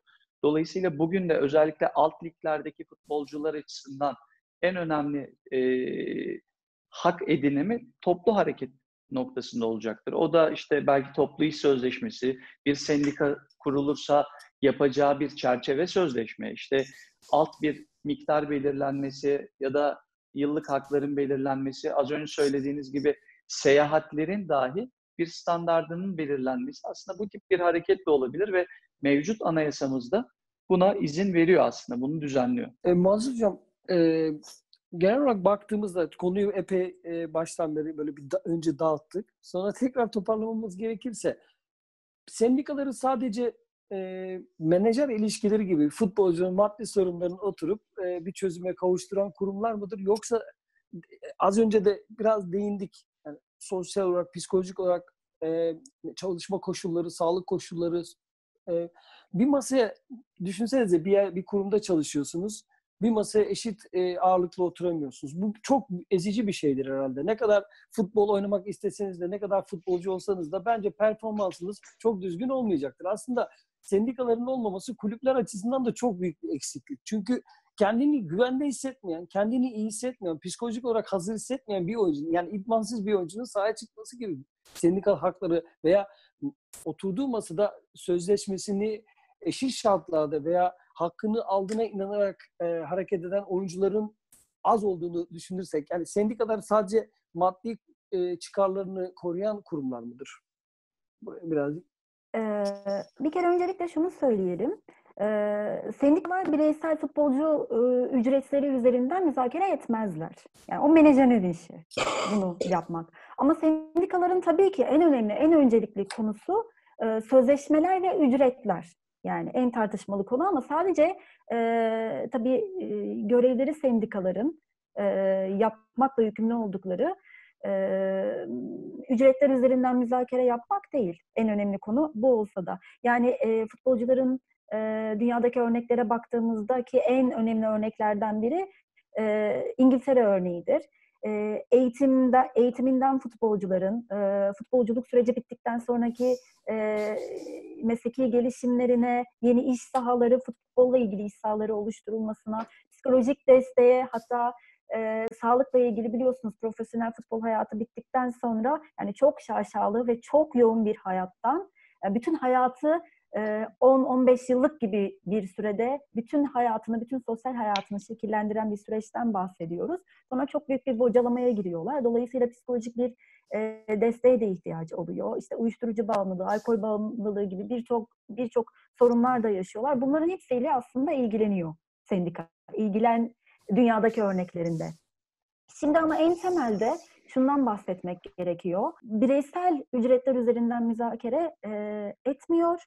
E, toplu olarak zaten sendikanın da e, en büyük gücü nedir? Toplu iş sözleşmesi imzalayabilme. Hali hazırda Türkiye'de böyle bir durum şu an söz konusu değil tabii ki. Mevcut sendikalarla da e, yine hani Kerem Hocam'ın da dediği gibi ütopik bakmamak lazım e, çok fazla düzenleme e, gerekiyor bizim bu yolu e, kat etmemiz e, için. Ama e, bir takım düzenlemelere müdahale edecek bir güç gerekli. Yani bu statü ve talimatlara e, tek elden karar vermeyecek. Yani bu e, ben yaptım oldu diye işte federasyonun e, günden güne ya da işte bir takım birimlerin başına gelenlerden onların futbolla ilgili düzen anlayışından bir başkası gelene kadar o düzenin değişmesini kurallar değişmeyecek şekilde ve kendi emekleriyle ilgili kararları kendileri alabilecek, kendilerinin de söz hakkı olabileceği düzeyde bir e, müdahale aracının olması gerekiyor. Şimdi pandemi sürecinden de bahsedersek e, eğer baktığımızda çok cılız sesler duyuyoruz. Hani işte şu tarihlerde ligler başlatılsın, başlatılmasın tartışmaları şu anda e, gündemde. Şimdi futbolcu neresi? Şu an e, hem paraya ihtiyaç var hem bir taraftan sağlık söz konusu. Hem de paraya sadece bugün ihtiyaç yok. Çünkü bu sezon yaşanılan işte sportif tecrübe, ekonomik kazanç bir sonraki sezonun da transferini, o sezonun nasıl geçeceğini ve geleceğini de aynı zamanda şekillendirecek. Yani bir taraftan oynamak da istiyorlar, bir taraftan istemiyorlardı ama şu anda çok edilgenler. Bunun hakkında birkaç futbolcu ancak konuşabiliyor. Ya da işte dernekler, antrenörler derneği de olsun ya da futbolcular derneği de olsun bir takım tavsiye niteliğinde kararlar alıp işte federasyonlara dilekçeler sunuyorlar. Kulüpler Birliği daha çok bu işin içinde ama baktığımızda üstlikler oynamak istiyor. Ama onların yaşanabilecek sorunları bir nebze olsun tolere edecek güçleri var. Ama altlikler öyle değil tabii ki. Şimdi hem o açıdan bakmak lazım. Mesela bir sendika, bir yaptırımı olan bir güçlü sendika olabilseydi şu anda böyle bir sorunla ilgilenecekti. ücretler bir tarafa. Yani futbolcular ya şu an ben çıkmıyorum, oynamayacağım diyemiyor mesela. Dese de bu zaten ciddiye e, alınamayacak. Böyle bir aslında böyle bir güçleri var ama bu güçleri e, gücü birleşip e, oluşturup da e, bir söz sahibi konumu gelemiyorlar. Mesela sendika şu, şu süreçte böyle bir e, güç olacaktı. Bunun dışında yine bu süreçte ücretle ilgili kısmından ben biraz bahsetmek istiyorum. Sözleşmeler, sözleşmelerin ve ücretlerin e, nasıl yapıldığı, nasıl şekillendiği çok önemli bir hale geldi. Şimdi statistiklerde biliyoruz e, çok yüksek ücretlerden bahsediliyor. Ama o ücretler aynı zamanda sözleşmelerle garanti altına alınmış durumda. Onların oynayıp oynamaması aslında şu an sağlıkları ile ilgili daha çok. Ya da işte ücretlerle ilgili zorlayamazsınız ücret indirimleri. Dünyanın çeşitli ülkelerinde şu anda işte Belçika'da, Hollanda'da, İspanya'da ücretlerin bir kısmından e, gönüllü olarak vazgeçenler de var. Ama işte Türkiye'de ücret konusunda e, pek bir girişim bile yok. Yani bunu konuşmuyoruz bile. Oynayalım mı, oynamayalım mı daha çok. Ücretlerle ilgili gönüllü olarak e, düşmesine hazır, e, hazırım. Hani ücretimden kesintiye hazırım gibi bir takım beyanatlar veren futbolcular var ama bunlarda baktığınızda yine üst ligde çünkü alt ligdekiler zaten ücret almıyorlar şu anda. Aynı sözleşmelere e, yani benzer şekilde şekillenmiş sözleşmelere sahip değiller bir kere. Bu tamamen e, pazarlık gücüyle ilgili. Şimdi e, güçlü bir futbolcu ne yapar? Sözleşmesine e, en ince ayrıntıya kadar menajer, menajerinin tabii ki e, güçlü pazarlığıyla ne yapar? En ince ayrıntısına kadar sözleşmeye yazdırır her şeyi. Maç biriminden e, ekstra maddelere, ekstra alacağı ücretlere, maaşlara kadar. Ama alt baktığımız zaman e, sözleşmelerin büyük bir kısmı işte sözlü olarak bir transfer görüşmesi yapılıyor e, işte kayıt dışı ekonomi diyoruz ya onu açmak istiyorum biraz. E, transfer görüşmesi yapılıyor, sözlü e, e, mütabakata varılıyor ama bir takım vergiyle ilgili unsurlardan dolayı ne yapılıyor? Daha çok üçüncü ligde bu oluyor ve ikinci ligde de görüyoruz bunu. E, futbolcunun e, peşinat olarak anlaştığı ücret mesela anlaşılan sözlü mütabakata varılan ücret üzerinden sözleşmeye yazılmıyor. Şimdi böyle bir durumda hukuki bir hak iddia edemezsiniz alamadığınızda ücretinizi. Ve e, tabii büyük bir oranda da alt tiplerde menajerle e, çalışmazlar biliyorsunuz. Onun dışında yine e, maaşlardan bahsedelim. Hani ücret kesintisi diğer ülkelerde var. Bizde tartışılmıyor bile diyoruz. Zaten alamıyorlar. Çünkü maaş olarak yazılan alt tiplerde e, asgari ücret ki primler de, e, sigorta primleri de bunun üzerinden yatılıyor, yatırılıyor. Baktığınızda şu anda e, maçlar oynanmıyor. Maç başı ücret alamıyorlar doğal olarak. Prim diye bir şey yine maçlar oynanmadığı için söz konusu değil. Ma maaşların da büyük bir kısmı futbolcuların pazarlık gücü biraz daha yüksek olanlardan bahsetmiyorum ki onlar da alt liglerde çok azınlıktadır. Üst liglerdeki ücretlerle kıyas bile olmaz ama nispeten alt liglerin de süperstarları e, var. Onların tabii maaşları ve ücretleri biraz daha farklı oluyor. Daha güçlü sözleşme imzalıyorlar. Dolayısıyla bu sözlü mütabakatta e, sözleşme maddelerinin uyuşmaması bir kayıt dışı ekonomi yaratıyor. Ve şimdi böyle bir krizde e, sözleşmede yazmayan hiçbir ücreti alamazsınız. Ancak asgari ücret yazıyorsa onu e, onu alabilirsiniz. Dolayısıyla şimdi bu durumda bizim psikolojik açıdan futbolcuların desteğe ihtiyacı var. Maddi anlamda e, desteğe ihtiyacı var. Bireysel olarak bunu yapmak mümkün değil. E, bu ancak toplu şekilde yapılabilirdi. Ama bunu da yapacak, bunu da dile getirecek e, söz sahibi, yaptırım gücü olan bir kuruma ihtiyaç var. Şu anda bu ihtiyaç e, çok önemli hale geldi. Ama bizde tabii şöyle de bir özellik var. E, yine bunun içinde işte e, bu sendikayla olan ilişkimizin tarihsel kökenlerinden bahsetti hocam.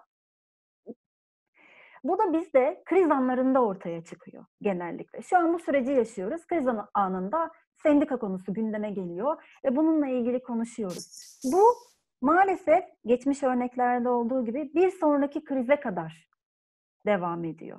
Yani girişim konusunda, taşın altına elini sokmak konusunda ya da üstten gelecek bir destek konusunda ya da alttan bir dayanışma, oluşum yukarıya doğru konusunda kesinlikle çok şiddetli bir eksiğimiz var. Yani e, evet yapılabilir. E, aslında çok ses var. Teker teker konuşulduğunda e, teker teker işte programlarda konuşuyoruz. Futbolcularla ilişkilerimiz devam ediyor. Takımlarla görüşüyoruz vesaire. Aslında istekler e, aynı yönde, ortak doğrultuda ama e, bu e, birleşmeyi eyleme dökme konusunda çok ciddi sıkıntı. Umarım bu da bu bir sonraki e, krize kadar, bir sonraki soruna kadar e, tekrar halının altına süpürülecek şekilde kalmaz diye düşünüyorum. Yani şunu söyleyeyim hocam, e, çok yakından siz de takip ediyorsunuz. Bizim de dediğimiz gibi arkadaşlarımız var. Zaten kulüplerin çoğu ikinci ve üçüncülüklerde oynamak istemiyorlar. Çünkü oynarlarsa maç başlarını ödeyecekler. Zaten ligin şekli belli olmuş. Yani ancak hangi takımlar oynamak istiyor? İşte o gruptan çıkmak ihtimali olan takımlar hala oynamak istiyorlar oyunu. Hı. Ama diğer orta sıralardaki hiçbir hedefi olmayan takımın e, yöneticileri oynamak istemiyorlar. Çünkü bu dediğiniz gibi futbolcuların ciddi bir sözleşmede alacağına dair güvencesi yok. Yani oynadığı maç başına belli ücretler e, söz verilmiş. Maçlarda oynanmayacağı için bu oyuncuların hiçbiri bir e, hak iddia edemeyecekler. Primler ona göre olmayacak. E, kulüpler kaçmak istiyorlar zaten e, bu sorumluluktan. Oynanmaması için de e, çaba gösteren e, bir kısım var.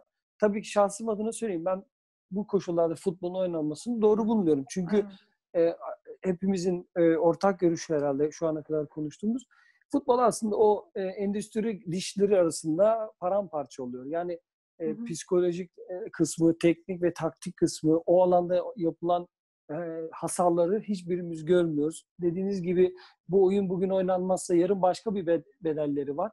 Kimse oturup bunun uzun vadede e, çözümünü nasıl buluruz diye bir tartışmanın içerisine girmiyor. Sadece sendikal haklar kısmında değil. Yani kulüpler, hı hı. kulüpler Birliği e, tarafına baktığımızda ben ikinci ve üçüncülükler kulüpler birliği başkanını ilk defa e, bu süreçte duydum. Yani olup olmadığını bile bilmiyordum açıkçası. Kulüpler Onun için spor başkanı. Evet. e, yani tabii bir görev aslında baktığınızda. Hı hı. O kişilerin haklarını savunmak, onların ortak sorunlarını belli bir şekilde federasyona bildirmek. E, ben size kısa bir anımı e, anlatayım. Yapmıştım. Arkadaşlar keserse burayı fark etmez ama yine de muhabbetimiz olsun. E, 2013'teki başkanlık sürecinde Mali Kongre'ye davet ettiler. Gittik biz de.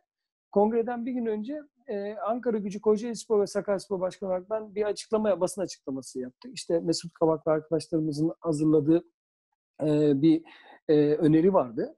E, amatörden bulduğunuz futbolcuların 12 ay beklemeden e, profesyonel yapılması. Yani amatörden oyuncu buluyorsunuz. 12 ay sizin kulübünüzde amatör oynadıktan sonra profesyonel yapabiliyorsunuz. Transfere tahtanız kapalı olduğu için.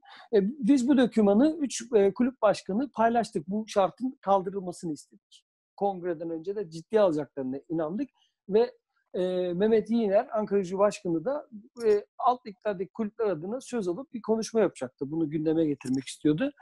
Neyse bizim tabii haber bir gün önce Hürriyet Gazetesi'nin Ankara sayfasında büyük bir yer aldı. Biz de salona girdiğimizde işte başkanlara siz misiniz gelin oturun falan diye oturdum ben de. Ondan sonra baktım aralarında bir tartışma var. O zamanın e, federasyon başkanı ve Trabzonspor başkanı çok e, ateşli bir mücadele içerisindeler. Haklı veya haksız hiç oraya girmek bile istemiyorum.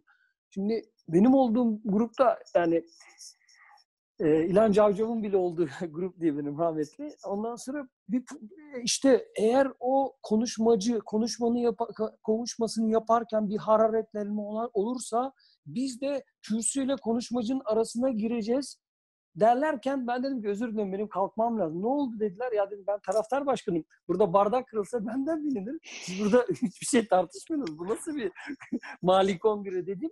Ayrıldım. Aynen de öyle oldu. Ee, birbirlerine laf atıştılar. Alt liglerle ilgili herhangi bir mali tablo tartışılmadı. Alt liglerin sorunlarıyla ilgili kimseye sözü verilmeden o kadar e, lüks e, işte otellerde yerlerimiz ayrılmış, ödemeleri yapılmış, inanın yani çok büyük bir e, israftı benim görüşüme göre. Hiçbir şey konuşmadan biz evlerimize gittik. Yani böyle bir ortamda yani gerçekten e, federasyonun e, sporu yönetenlerin artık düşünmesi gerekiyor. Bu pandemi tekrar yaşanabilecek bir süreç. Zaten pandemiden önce de bizim krizimiz vardı. Sadece pandemide oturup düşünme şansımız oldu ki he biz krizdeyiz dedik yani. Yoksa bu kriz kesinlikle devam ediyordu. Sizin yaptığınız çalışmalarda e, başka akademisyen arkadaşlarımızın yaptığı çalışmalarda veya futbolcu kardeşlerimizin verdiği röportajlarda bir, bir, bizim birebir birebir duyduklarımızda gerçekten bir, büyük bir kriz vardı. Kendilerini ortak bir alanda ifade etmek için yeni bir metin kurtu beklemelerine gerek yok. Çünkü tek bir metin kurt bunu çözecek güçte değil. Metin kurt sadece büyük bir ihtimalle benim gördüğüm ve okuduğum kadarıyla hayatını bu konuda e, ziyan etmiş bir, bir nevi. Çünkü bir sonuç alamamış. Kendi beraber e, yola çıktığı beş arkadaşı bile daha iki hafta sonra onu yarı yolda, yolda bırakmış, bırakmış benim hatırladığım kadarıyla. Ee, ben bu arada Muzaffer Sipahi Bey ile görüşmek istedim. Konuk olarak alacaktım size sürpriz olsun diye. Ancak felç geçirmiş kendisi. Onun için e, öyle bir e, öyle bir konuk sürpriz yapacaktım size ama maalesef olmadı. Yaşıyor kendisi Muzaffer Sipahi ilk başkan. Umarım birileri onlarla görüşüp yani ne bileyim kendi kulüp etrafında önemli detayları kendisiyle götürmemesi için gecinden versin ama belli bir görüşme yapılması iyi olur. Bu arada hocam tekrar size dönmek istiyorum. Programın da sonuna geliyorum. Birer sorudan sonra da genel görüşlerinizi alacağım. Yani, kariyeri gerçekten kısa mıdır hocam? Yani bu kadar kısa kariyerde işte yüksek ücretler almaları haktır gibi bir şey söyleniyor ama benim görüşüme göre az önce de ifade ettim zaten. Futbolcunun kariyeri kesinlikle 7-8 e, yıl gibi kısa bir süre değildir.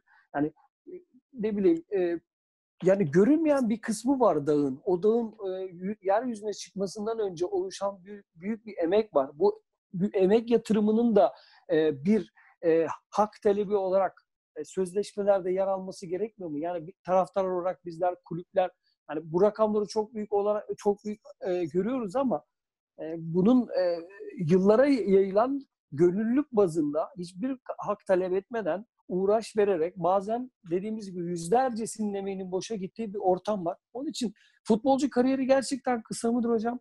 Ve sözleşmelerde sadece bu oynadıkları süreye mi bakmak lazım ama arkadaki emeği e, görmek nasıl değerlendiriyorsunuz? Şimdi şöyle, e, hiçbir Türkiye'de e, futbolcu olmayı hedefleyen ya da futbolcu olma düşüncesini kafasına yerleştirmiş. Bu ilkokulda da olabilir, ortaokulda da.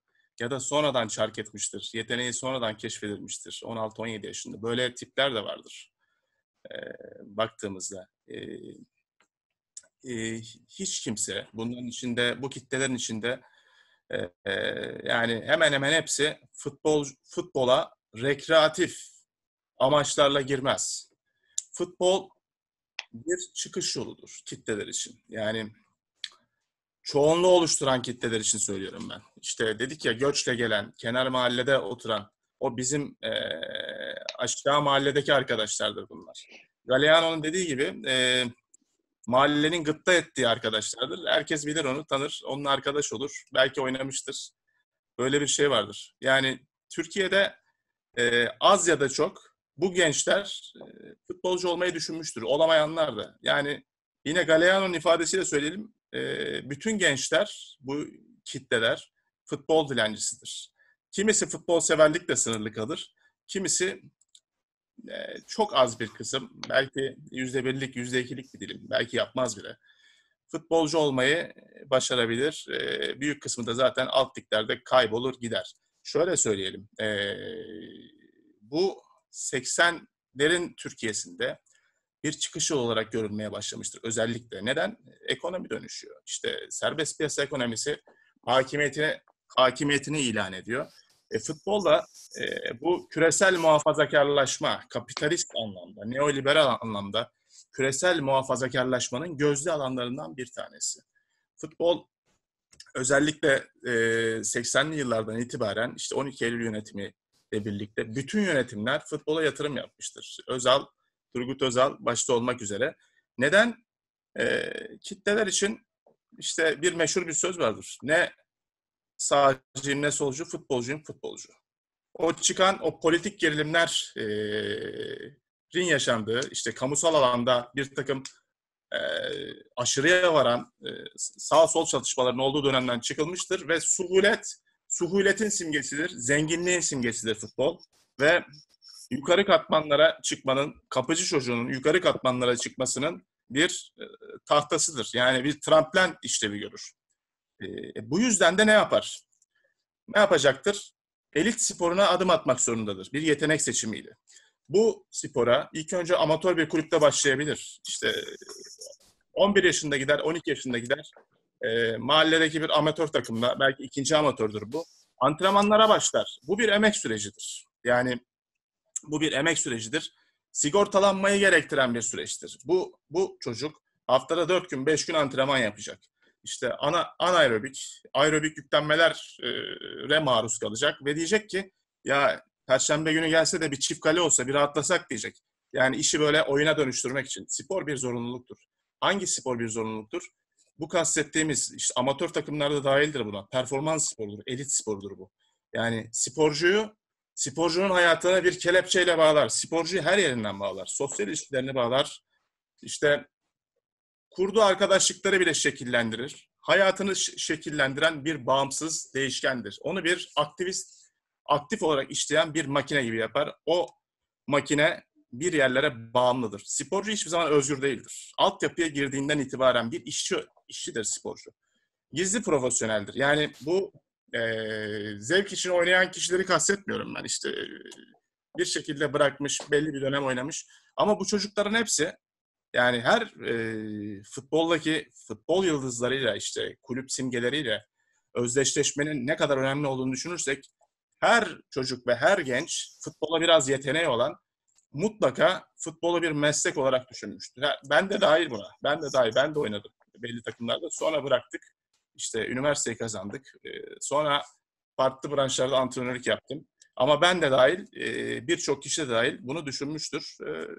Kimisi işte alt liglere düşmüştür. Kimisi çok az bir kısım, azınlık bir kısım yukarılara çıkmıştır. Ama bu bir emek sürecidir. Nasıl harp okuluna giden kişiler nasıl öğrencilikten itibaren sigortalanıyorsa, emekliliğe dahil ediliyorsa bunun da bu şekilde düşünülmesi gerekir. Yani o yüklenmeler az bir yüklenme değildir.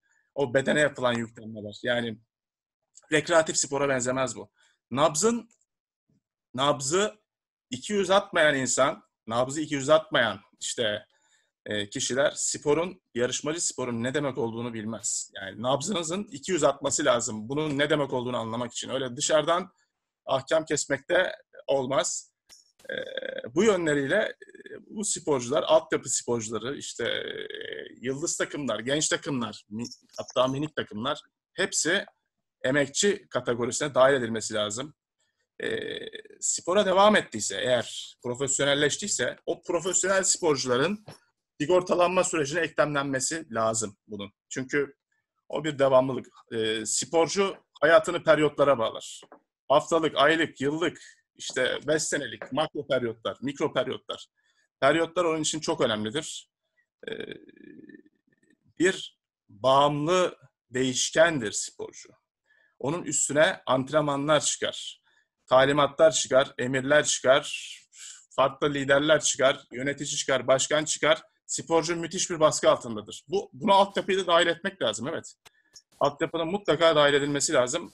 Altyapı, Türkiye'de özellikle futbol altyapıları, mahalle takımları dahil, işte ikinci amatörde dahil, e, rekreatif alanlar de, olarak değerlendirmek doğru değil. Hepsi az ya da çok profesyonelliği hedefleyen futbolun kulüpleridir ve altyapı işlevleri görür.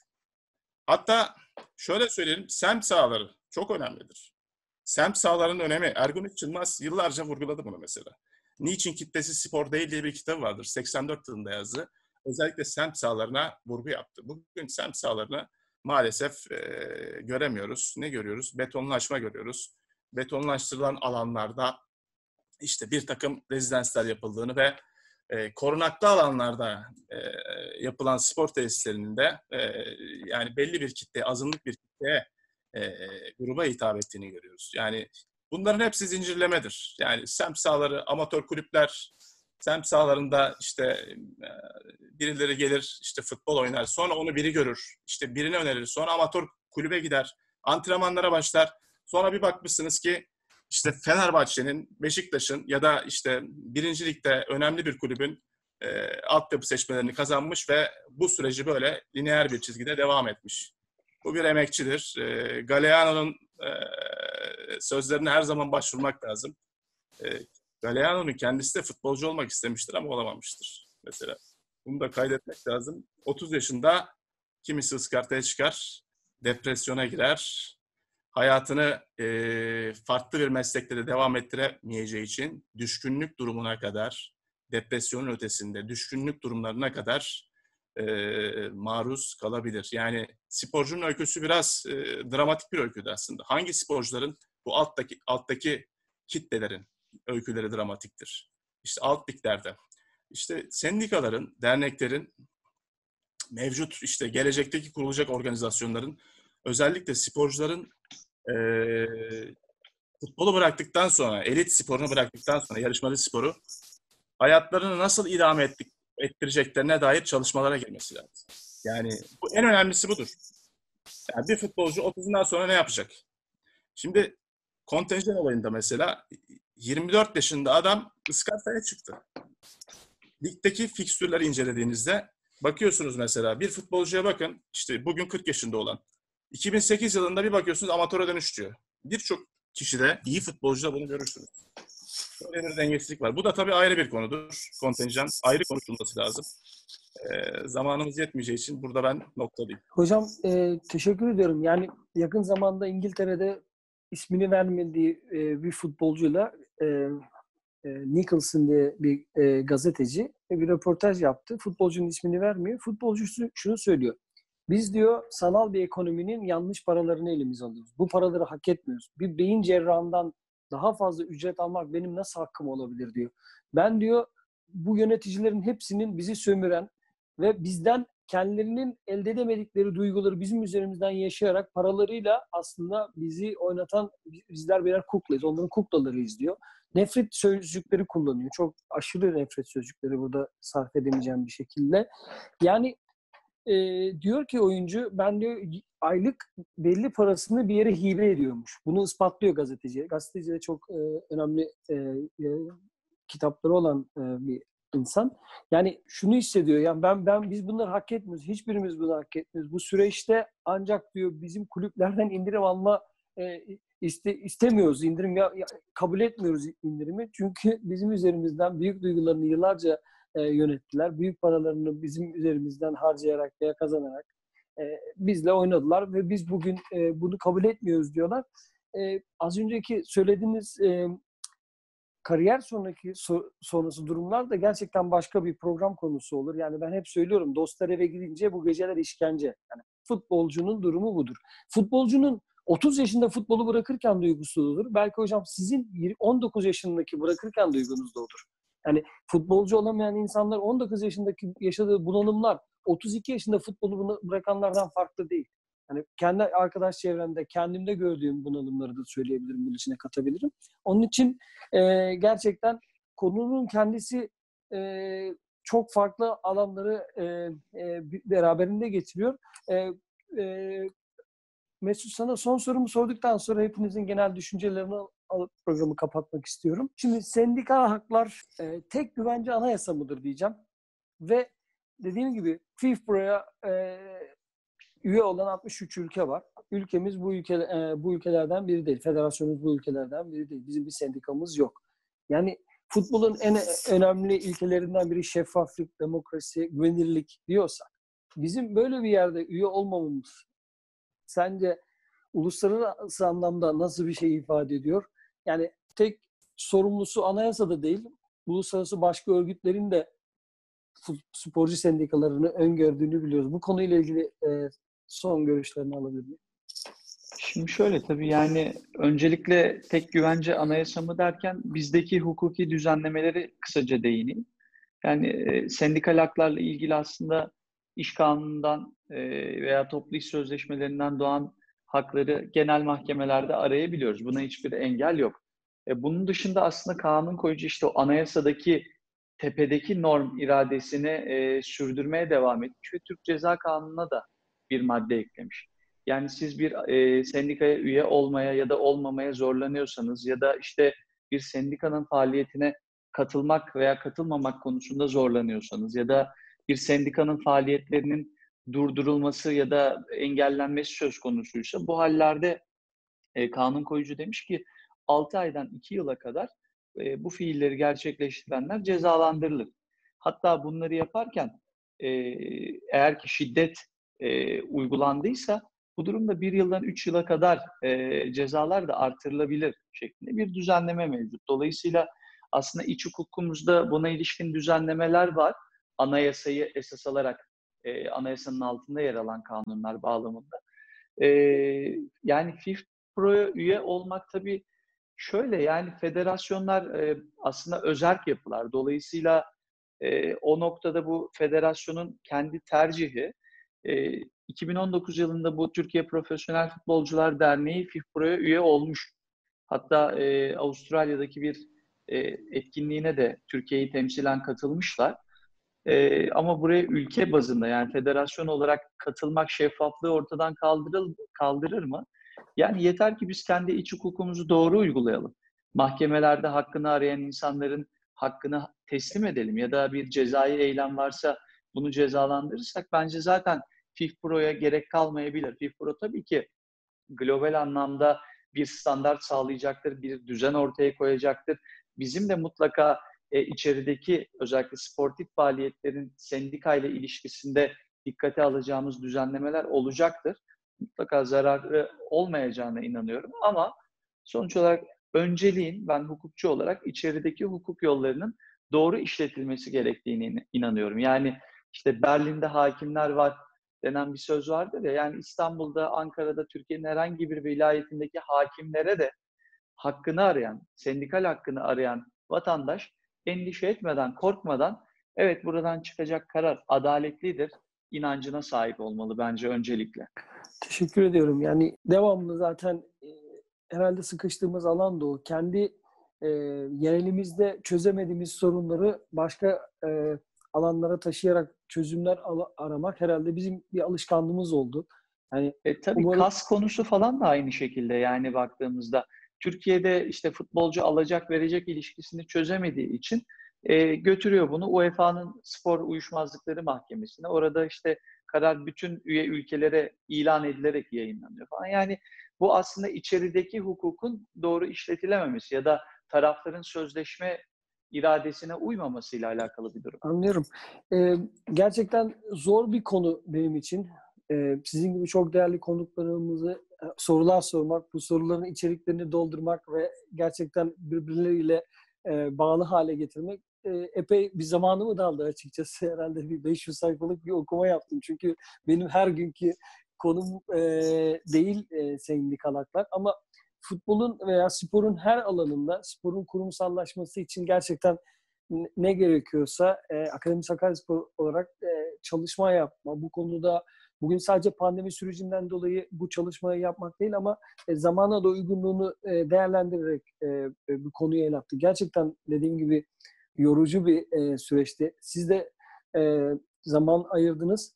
E, Mazlum son olarak söylemek istedikleriniz birazcık da futbolcu arkadaşlarımıza veya taraftarlara veya kulüplere gerçekten sendikaların ürkütücü bir şey değil de haklar konusunun e, kurumsallaşmayı ülkemizde daha sağlam temelleri oluşturmak için e, nasıl bir önemi var? Son cümlelerinizi alırsak.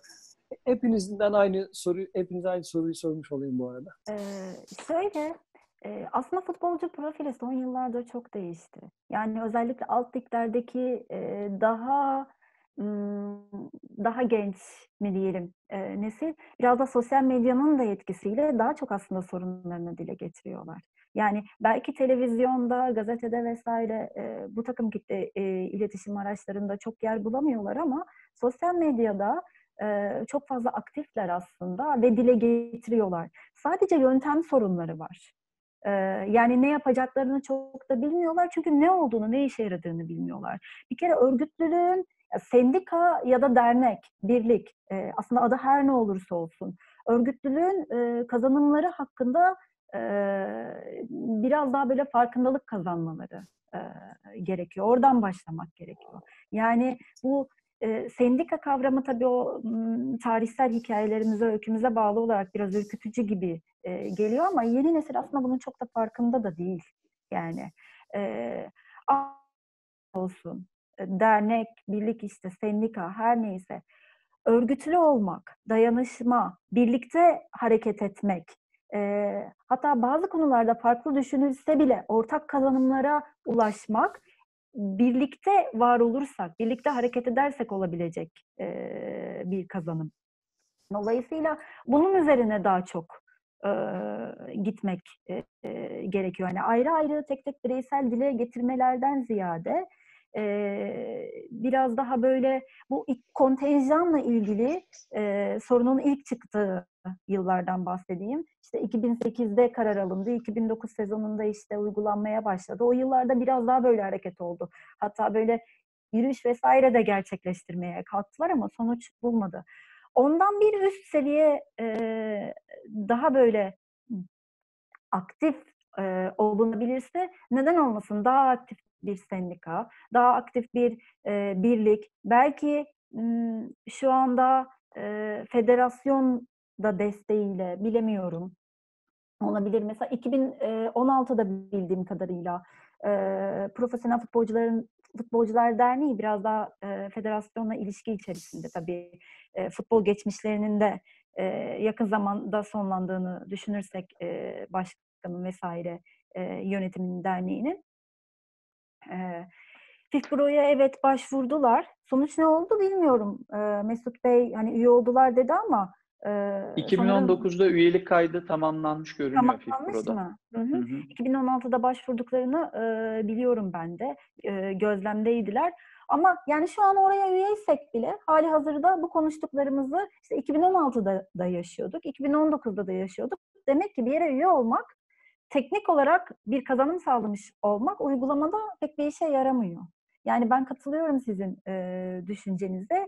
E, uygulamaya dönük bir takım eylemler ama bu da kendi futbol düzenimiz içerisinde gayretle olsa e, daha sonra e, bu üyeliklerle ilgili e, kazanımlara baksak daha doğru e, olacak gibi geliyor bana. Çünkü bizdeki düzen işte hukuki yapıdan, e, yönetsel yapıdan e, ya da işte ekonomik ilişkilerden ya da tüm işte e, ilişki sermayesini de ilgilendiren e, yapıdan kaynaklanan şekilde Avrupa'daki hatta Amerika'daki e, tüm bu ilişkilerin hepsinden çok daha farklı şekilde ilerliyor. Farklı bir futbol düzenimiz var. Dolayısıyla bizim e, sorunları çözümlerimiz de dolayısıyla farklı şekillerde e, ilerlemek durumunda diye düşünüyorum bunu iyi anlatmak lazım yani futbolcuya. Yani ne işe yarayacak? Ne yapılacak? Nasıl bir kazanım sağlanacak? diye daha doğru bir açıklama, yönlendirme mümkün olursa iyi olur diye düşünüyorum. Yani zaten bir tane menajerle başın belada, bir tane diğer sendika gibi menajer gibi başında olması korkusu da var herhalde oyuncuların kafasında böyle bir problem var. Gerçekten. Tabii anlatmak gerekiyor yani. Evet. E, Mert Hocam sizin de son e, evet. görüşlerinizi alalım. Evet fazla uzatmayacağım. Şimdi son tahlilde e, toplumsal verilere baktığımızda genel son korona sürecinde de futbolun evrensel anlamda e, ve Türkiye üzerinde e, bir müşterek e, herkesin malı olduğunu görüyoruz ama onun yönetiminin e, başkalarında olduğunu görüyoruz. Yani e, bizim malımız olabilir ama yönetimi başka e, güçler tarafından idare edilmektedir. Televizyon idare etmektedir. İşte endüstri güçleri, e, spor giyim firmaları e, idare etmektedir. Bayis e, organizasyonları idare etmektedir. Yani e, böyle bir durum var. Ama böyle bir şey var. Taraftarı da işin içine katmak lazım. E, taraftar futbolun e, dünyada dünyanın bir numarası olan en fazla kitlesellik kazanan bir spor branşının olmazsa olmazıdır. Taraftar yoksa futbol olmaz. Bu kadar basittir. Şimdi bugün taraftarsız oynatma gibi bir takım girişimler var. Bunlar ne kadar doğru tartışılır tabii. Ama şöyle bir şey var. Az önce de halkın değildir. Halkın halkla en fazla özdeşleşen faaliyettir, toplumsal faaliyettir. Bir gündelik yaşam savunusudur. Ancak yönetimi endüstri güçlerinindir. Eee, futbolcuların da değildir, taraftarların da değildir. Ama bu demek değildir ki, bu demek değildir ki böyle kolektif bir üründen, böyle kolektif eee, bir spor dalı ve ortaklaşalık durumundan hak arama düşüncesi çıkmaz. Bakıyoruz taraftarlara mesela. Son dönemlerde ciddi bir takım e, organizasyonlar yapıyorlar. Bunları azımsamamak lazım. Yani e, eskiden şey vardı. Özellikle 80'lerden itibaren işte futbol halkı düşünmekten uzaklaştırır. Bunların hepsi çürüdü. Futbol artık düşünmeyi engelleyen değil, insanların e, kitlesel bilince kavuştuğu ve gündelik yaşam savunusu yaptığı, bir takım toplumsal hareketlere giriştiği bir alan haline geldi. Taraftarlar özellikle işte. Yakın dönemde biliyoruz bir sürü antici bir takım muhalefet davranışları gerçekleşti ve spor yoluyla ve en örgütlü e, toplumsal hareketler de e, futbol yoluyla olduğunu görüyoruz ve farklı taraftar gruplarının, takımlarının aynı ortak paydada buluştuğunu görüyoruz. Bunlardan bir tanesi gözetimdir mesela. Yani gözetime karşı insanlar e, oyunu savunmuştur. Gözetim nedir? E-bilettir, işte elektronik bilettir. Oradaki kartlara ödenen paralardır falan filan. Bu tip şeyler. Endüstriyelleşmeye karşı bir duruştur bu, endüstri güçlerine. Yani bunlar yeterli mi, yeterli değil mi bu tartışılır ama bunlar e, böyle bir tohum vardır. Futbolda bu tohumlar ekilmiştir. E, Ben e, futbolun, sporcuların ve taraftarların olmasını diliyorum şu anda. Futbolcuların umarız ki ileride daha fazla sporcuların ve taraftarların daha fazla katıldığı, spor yönetiminde söz sahibi olduğu, özellikle sporun yönetimi yönetimi dışında kalıyorlar bu insanlar. Daha fazla söz sahibi olacağını da düşünüyorum. Bu bir iyimserliktir, e, ütopyacılıktır. Ama her zaman da ütopyalar lazımdır insana. Belki gerçekte örtüşmez ama ütopya olmadan da yaşanmaz, umutsuz yaşanmaz. Bu da spordaki umuttur. Teşekkürler hocam. Ee, 2013'ten beri aynı zamanda Taraftar Hakları Derneği e, çatısı altında da çalışmalar yürütüyoruz. E, gerek Türkiye'de Biliyorum. gerek Avrupa'da birçok e, konferansta sorunları dile getirmek için e, çalışmalarımız oldu.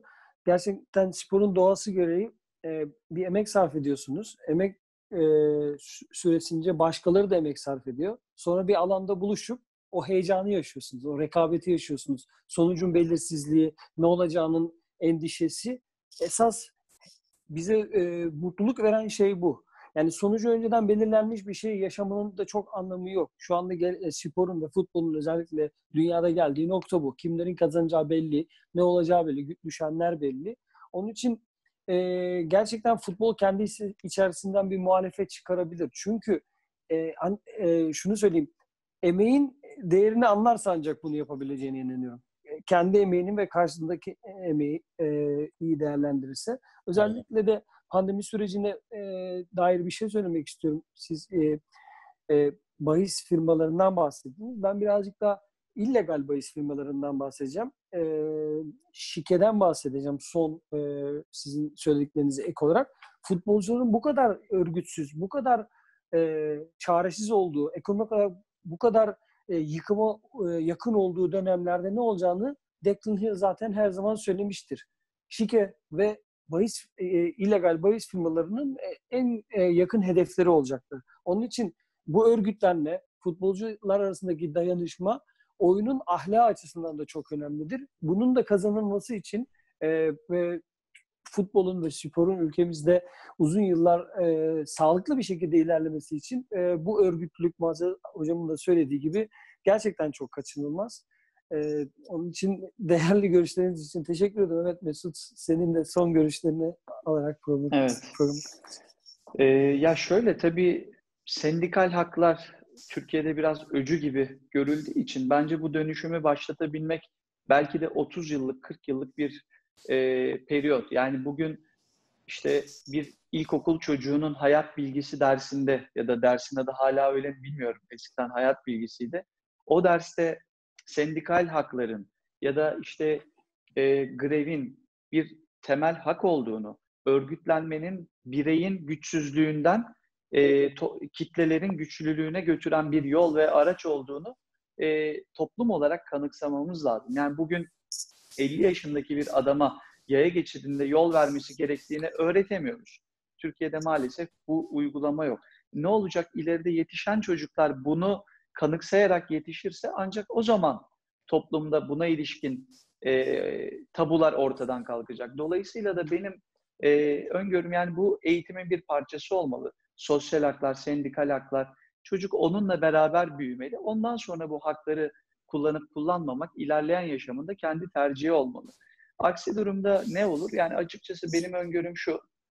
Biraz somut bir örnekle verirsek finansal fair play'de olduğu gibi işte FIFA, UEFA gelir size bazı e, kodlar dayatır. O kodlara istinaden iç hukukunuzu düzenleyin. Kulüplerinizi buna göre terbiye edin. Yani aslında biraz kaba bir tabir ama terbiye edin. Aksi durumda biz sizin müsabakalara almayacağız. Dolayısıyla da e, kendi o sosyal yapımız içerisinde bunu benimseyip uygulayamazsak belki ilerleyen yıllarda bu sendikal hakları e, UEFA ya da FIFA sürdürmek isterse onlardan gelecek yasal düzenlemeler, talimatlar noktasında e, Türkiye'de uygulanabilir olacağını düşünüyorum. E, açıkçası konuyla ilgili söyleyeceklerim öz olarak bunlar.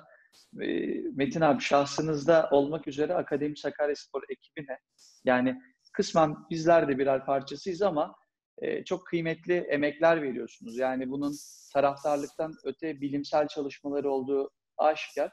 Dolayısıyla ben de e, Akademi Sakaryaspor'un kıymetli ekibine şahsınızda ayrıca teşekkür ediyorum. Bizler teşekkür ediyoruz. Ee, e, gerçekten e, senin hayat bilgisi e, örneğin çok önemli. Çünkü ben de son günlerde hep vatandaşlık dersi vardı galiba. Ordudan insanlar gelirdi. Doğru, evet. Hiçbirimiz dinlemezdik. Hepimiz on alır geçerdik. Ne kadar önemli derslermiş değil mi? Evet. Yani aslında haklar konusu, e, toplumsal dayanışma, saygı, emek, emeğin karşılığını almak, e, bir vatandaş olarak e, oturduğunuzda hem kuruma hem de kendinize karşılıklı saygıyı göstermek ne kadar önemli. E, yani hepinize çok çok teşekkür ediyorum. Benim için çok ağır bir konuydu. Yani diğer konular belli bir şekilde ilgi ve alakamız içerisinde oluyor. Muazzez Hanım çok ilk konuşmamızda söylemişti. Bugünlerde herkes bu konuyla ilgili bizi arıyor. Evet muhakkak öyledir ama e, Akademi Sakaryaspor'un geleneği ve e, yaptığı çalışmalara baktığımızda bu bizim için sadece bugüne dair sizi önemli kılma meselesi değildi. Sizle tanışmamız, bu konuları tartışmış olmamız benim için çok önemli. Aynı zamanda Akademi Sakaryaspor üyeleri ve şu anki di- dinleyicilerimiz için de önemli olduğunu düşünüyorum. İlk başta da söylemiştik. Yani kurumsallık en çok konuşulan ama kendisine en az katkı sunulan bir e, konu Türkiye'de.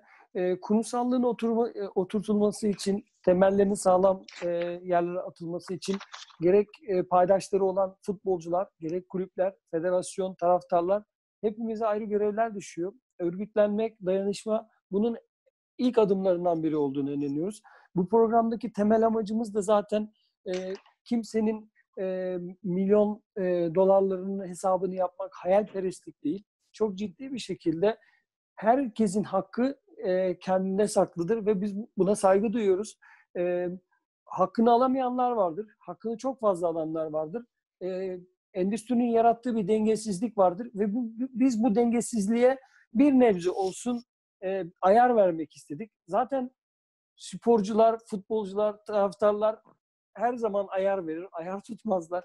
Ee, onun için e, bu programı umarız e, yakın zamanda bu örgütlü yapı ülkemizin her alanına e, demokratik olarak yayılır ve sporda da kendisini gösterir. Akademi Sakaryaspor olarak hazırladığımız e, programın sonuna e, gelirken şu dakikaya kadar izlediyseniz ayrıca teşekkür ederim. Katılımcılarımıza çok çok teşekkür ediyorum. Bir sonraki programda buluşmak üzere. Hoşçakalın.